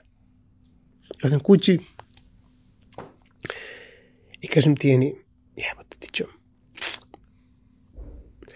ne mogu stavim Ronaldo da igra beka, nije, nije realno jebate. I tako je nastao fine dining restoran Enso. Propastiše me. Bilo je pakleno prve 3-4 godine, zaista. Imali smo onako uspone i padove da ne možeš da veruješ, da ti dođe ti ono dve nedelje ti pun restoran, dve nedelje ti niko ne uđe u restoran. Pa tri meseca radiš, pa tri meseca ne radiš. Mislim, ludnica. Pa naći konobara koji će da radi u takvom restoranu, koji mora da zna perfektan engleski, koji... Znaš, najlakše je naći konobara koji će da radi u punom restoranu. Jer tom punom restoranu on ima jako puno posla, stanuje nekoj ono, znaš, stanuje nešto. To je kao kad braniš za Manchester United. Nije lako. Imaćeš tri situacije gde treba da odbraniš i moraš biti koncentrisan, a 90, ono, 80 minuta ćeš sedeti na golu i češkati glavu. Kapiraš? Takva je situacija sa konobarom fine dining restoranu. Imaš pet stolova tu noć. Ali tih pet stolova je mnogo teže nego 20 stolova u nekom običnom restoranu. Moraš sve da im objasniš, moraš da znaš do detalja sve da objasniš. Moraš da budeš tu, a da nisi tu. I moraš da budeš jako strpljiv. A to ubija svakog konobara, jel? Odneseš klopu, ispičaš, skloniš se. Odneseš drugi gang, ispičaš, skloniš se. Nema akcije, nema, nema tempa, razumeš? I stvarno je jako, jako, jako teška ova disciplina. I ono trena kad uh, imali smo jako teže period toko covid ne znam kako smo opstali tokom COVID-a. Opstali smo jer smo se u, u, u kolektivu dogovorili da, da, da ono, to što napravimo trošimo i to što dobijemo države trošimo i da nekako se u okviru toga krećemo. Da ja to dofinansiram koliko god da mogu da dofinansiram, ali smo bili svesni da ćemo ili da zatvorimo restoran ili ćemo tako da funkcionišemo. I tu je celo osoblje, većina, veći deo osoblja to podržalo i ostale veći deo osoblja. I onda se dogodio Mišelin i onda kako se dogodio Mišelin, onda se sve promenilo. Mogli smo da budemo i slobodniji u upravljanju hrane, mogli smo i da uh, podinamo ljudima plate konačno i da počnemo da, da, da funkcionišemo normalno. Ali te prve četiri koje su bile baš paklene. Ali ajde da se vratimo na prvih par meseci. Znaš, a, a, prodati Beogradu tu priču je bilo mnogo teško. Ok, u tom trenutku već postoji postoje tragovi te scene ovde. Znači... Postoji Homa. Postoji Homa koja postoji već pet godina, četiri, pet godina, Tako. ali Homa od starta nije krenula, ti si imao experience, ali nisi imao cene koje to prate. Jeste ona bila skuplja od prosječnog restorana, ali nije bila preskupa.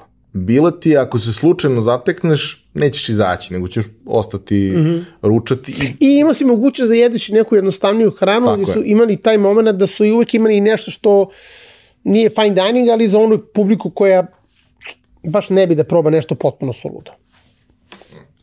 Uh, salon se pojavio prvobitni. Mm, po, uh, da, ali to je bilo, da, Da, stvari da. Oni su došli praktično kad se zatvorio prvi salon, prvi oni rodini i, i, i, i ovaj, e, bože moj, Goranov salon, oni su tad ostali bez posle tad došli u Ensa.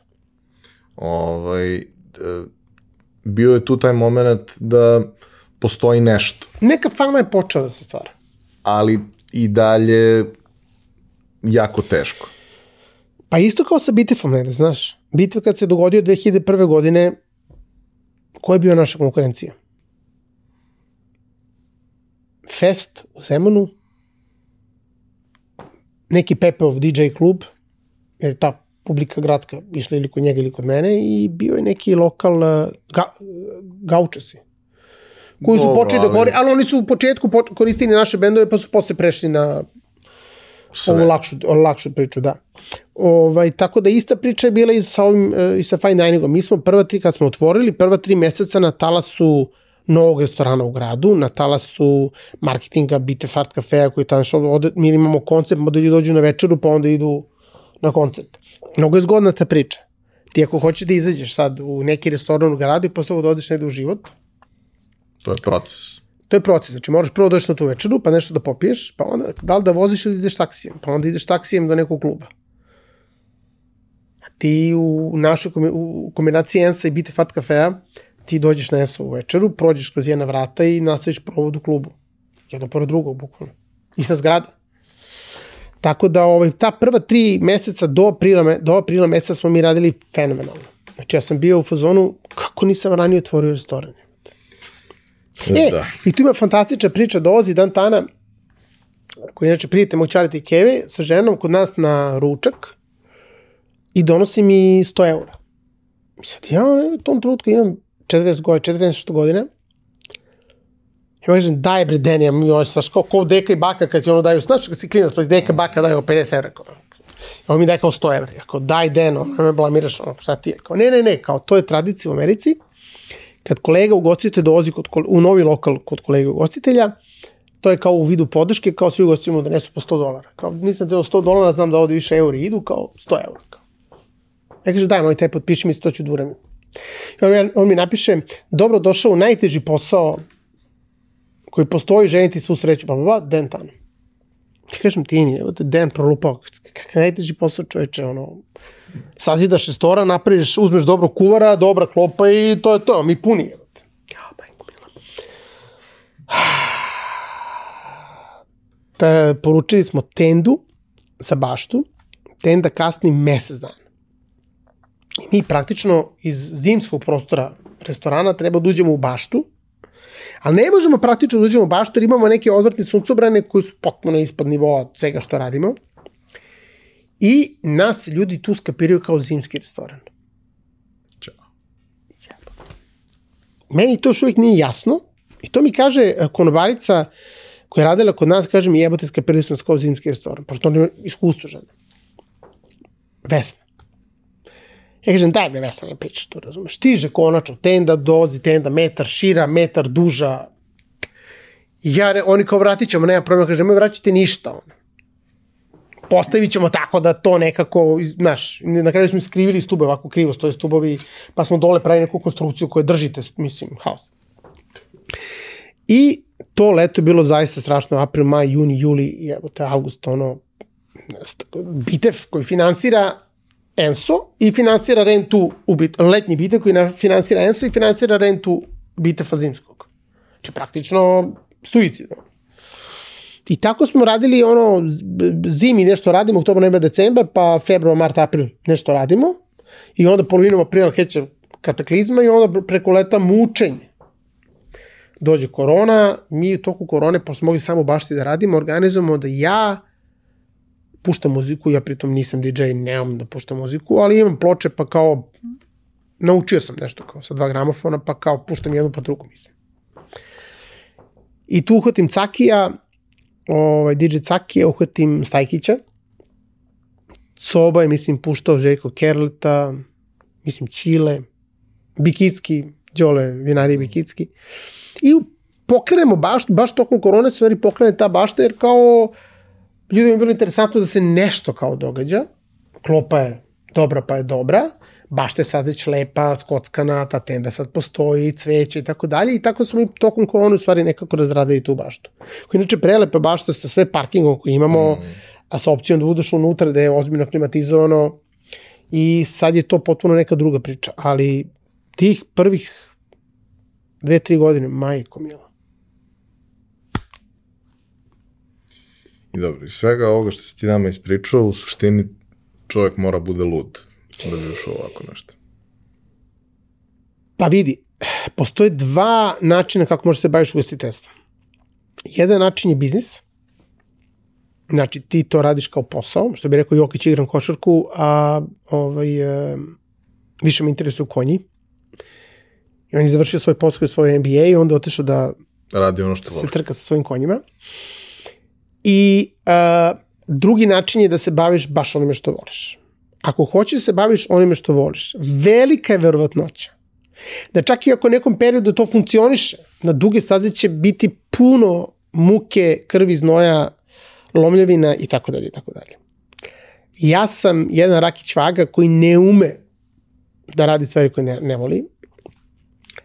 Ne voli da se druži s ljudima s kojima ne voli da se druži učim godinama da, da budem uh, i posao me naučio da komuniciram nekad s nekim ljudima s kojima baš i ne bih komunicirao, jednostavno moram, to mi je opis posla, ali overall gledano radimo stvari koje mi hoćemo da radimo. Ne radimo stvari koje nećemo da radimo.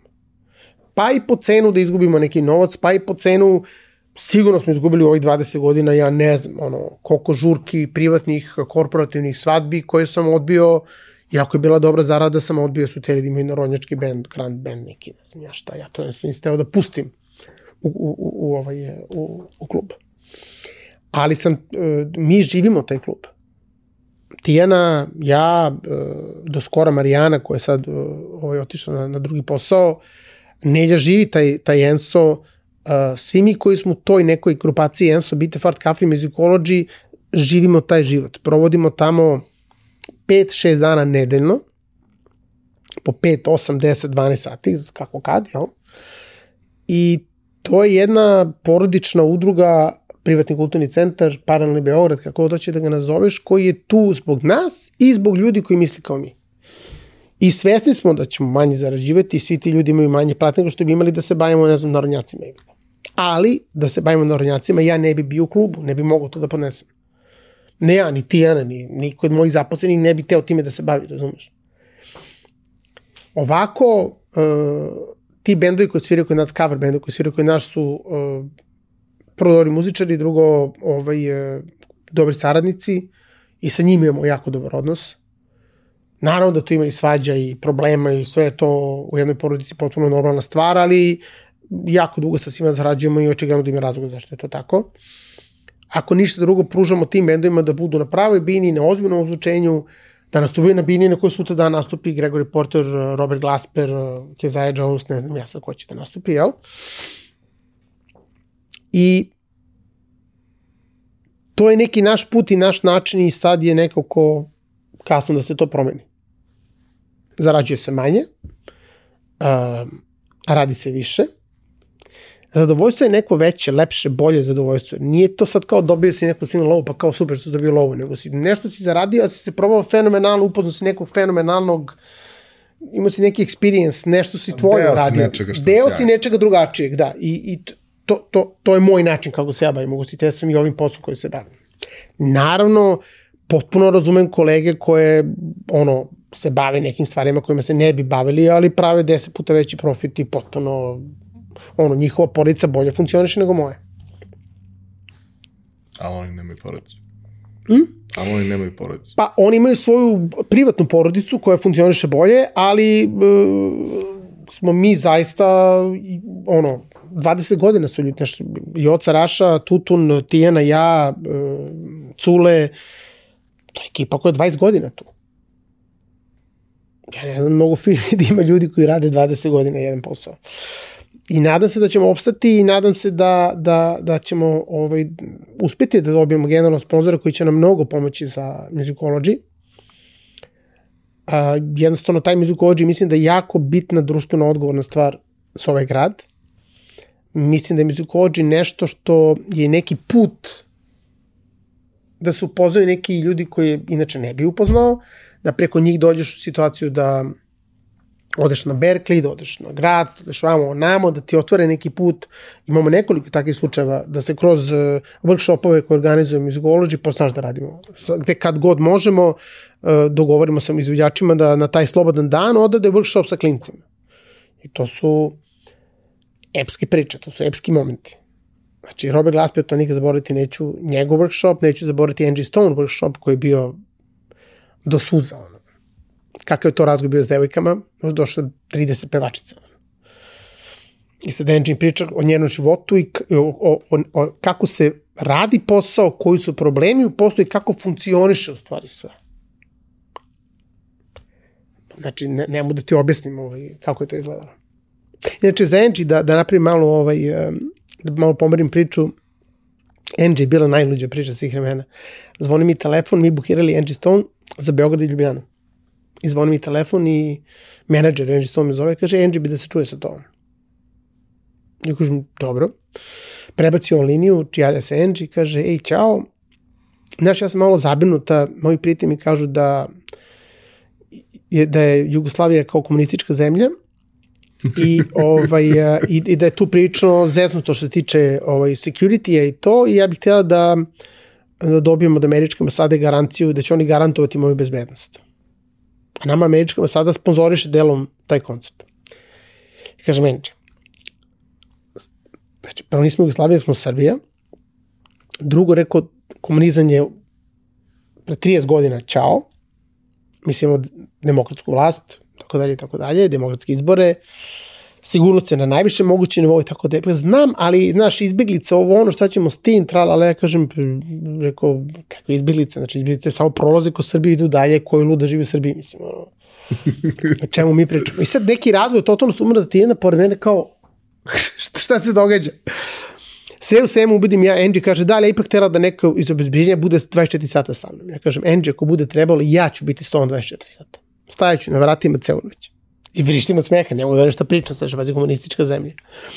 Na kraju ona došla i ona bila prvo skeptična u početku. Naravno, posle Beograda se već potpuno pustila. Odum u Ljubljanu, uh, ja mislim da će padati kiša. Mi dolazimo u Ljubljanu 26 stepeni, teget nebo. Andy nadrda na, da me rokne.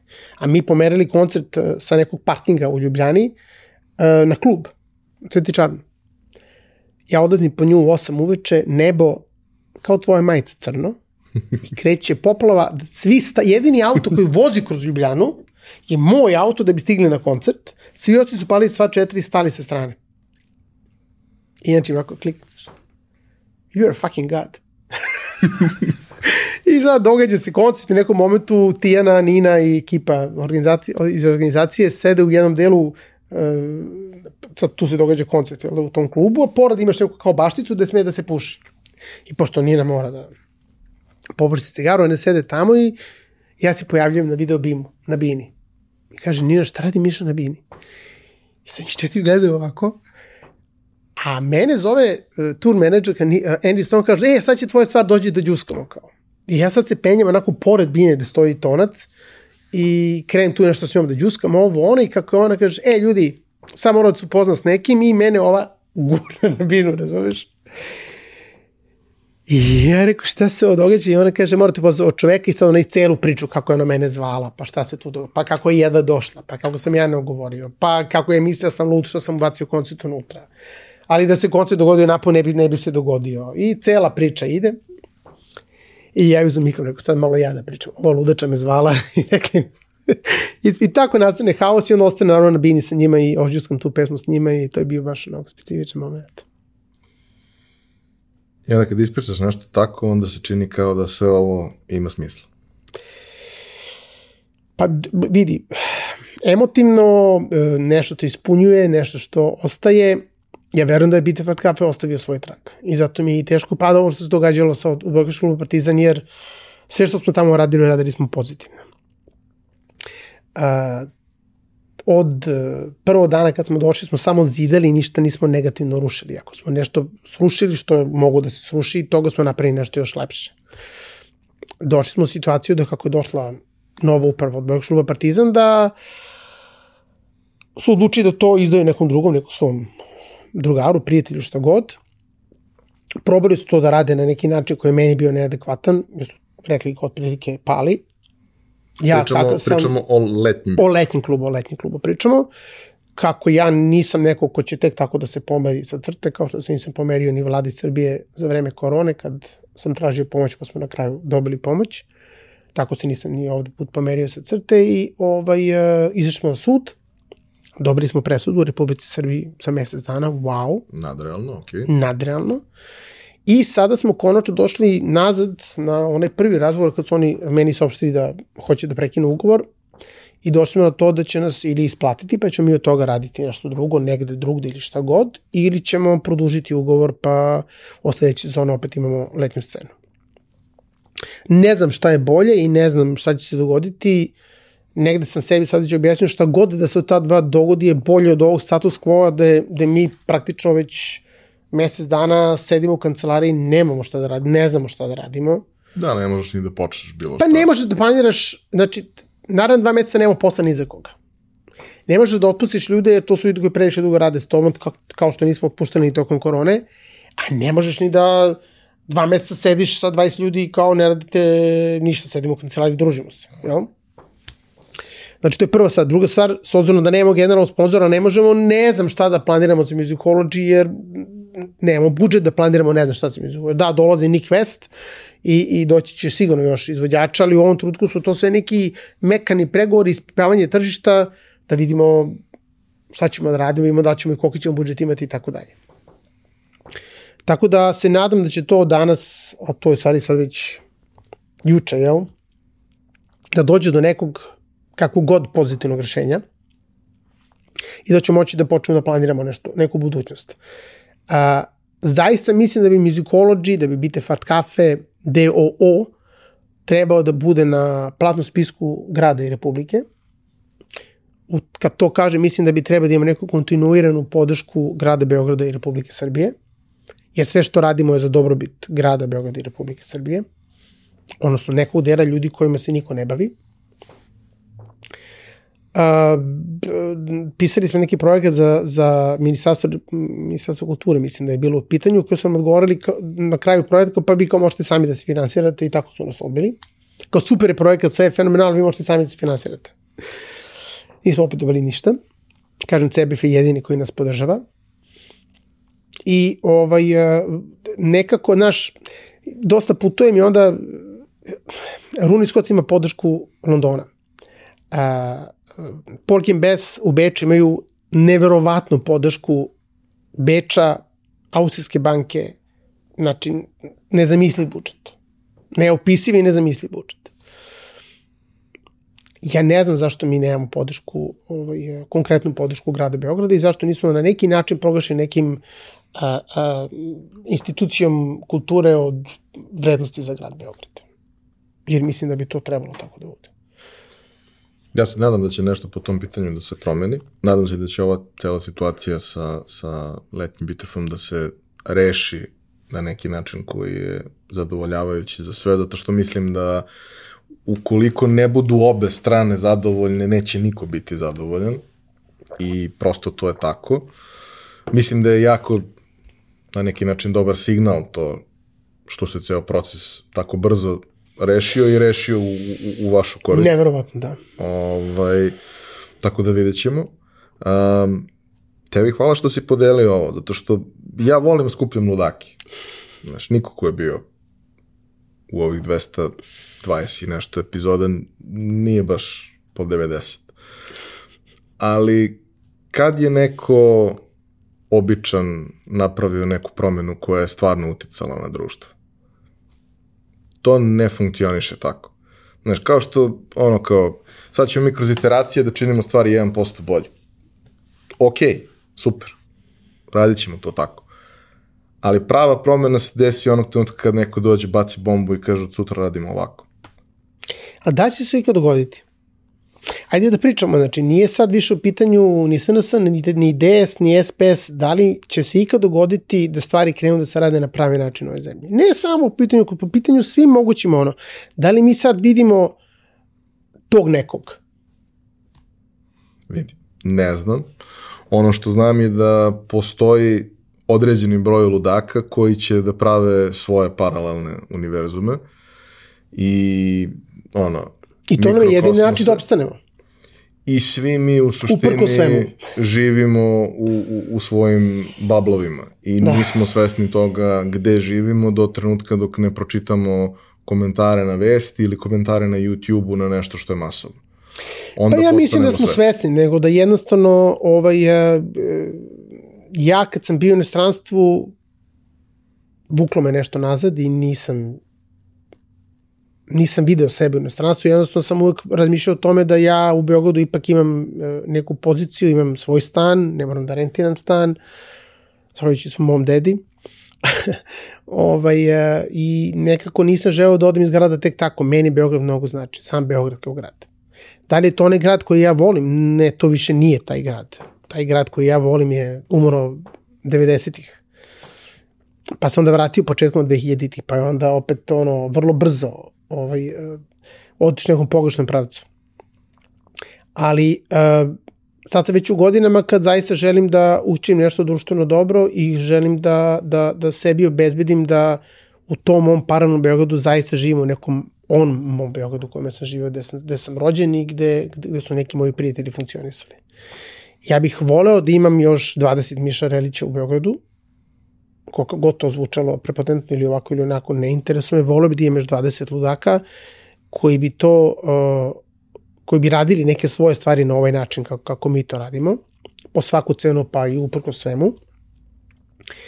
I, i, I ono, pozivam sve koji tako nešto žele da rade, da me uvek kontaktiraju, da porazgovaramo, da im kažem sve zamke i, i probleme s kojima će se suočiti, jer imam ono, dobro znanje kad su problemi u pitanju. I verujem da je to jedini način kako možemo da, da, da, da vratimo duh ovom gradu. Jer duh ovom gradu nije, mili, duh ovog grada nije milion i po ljudi.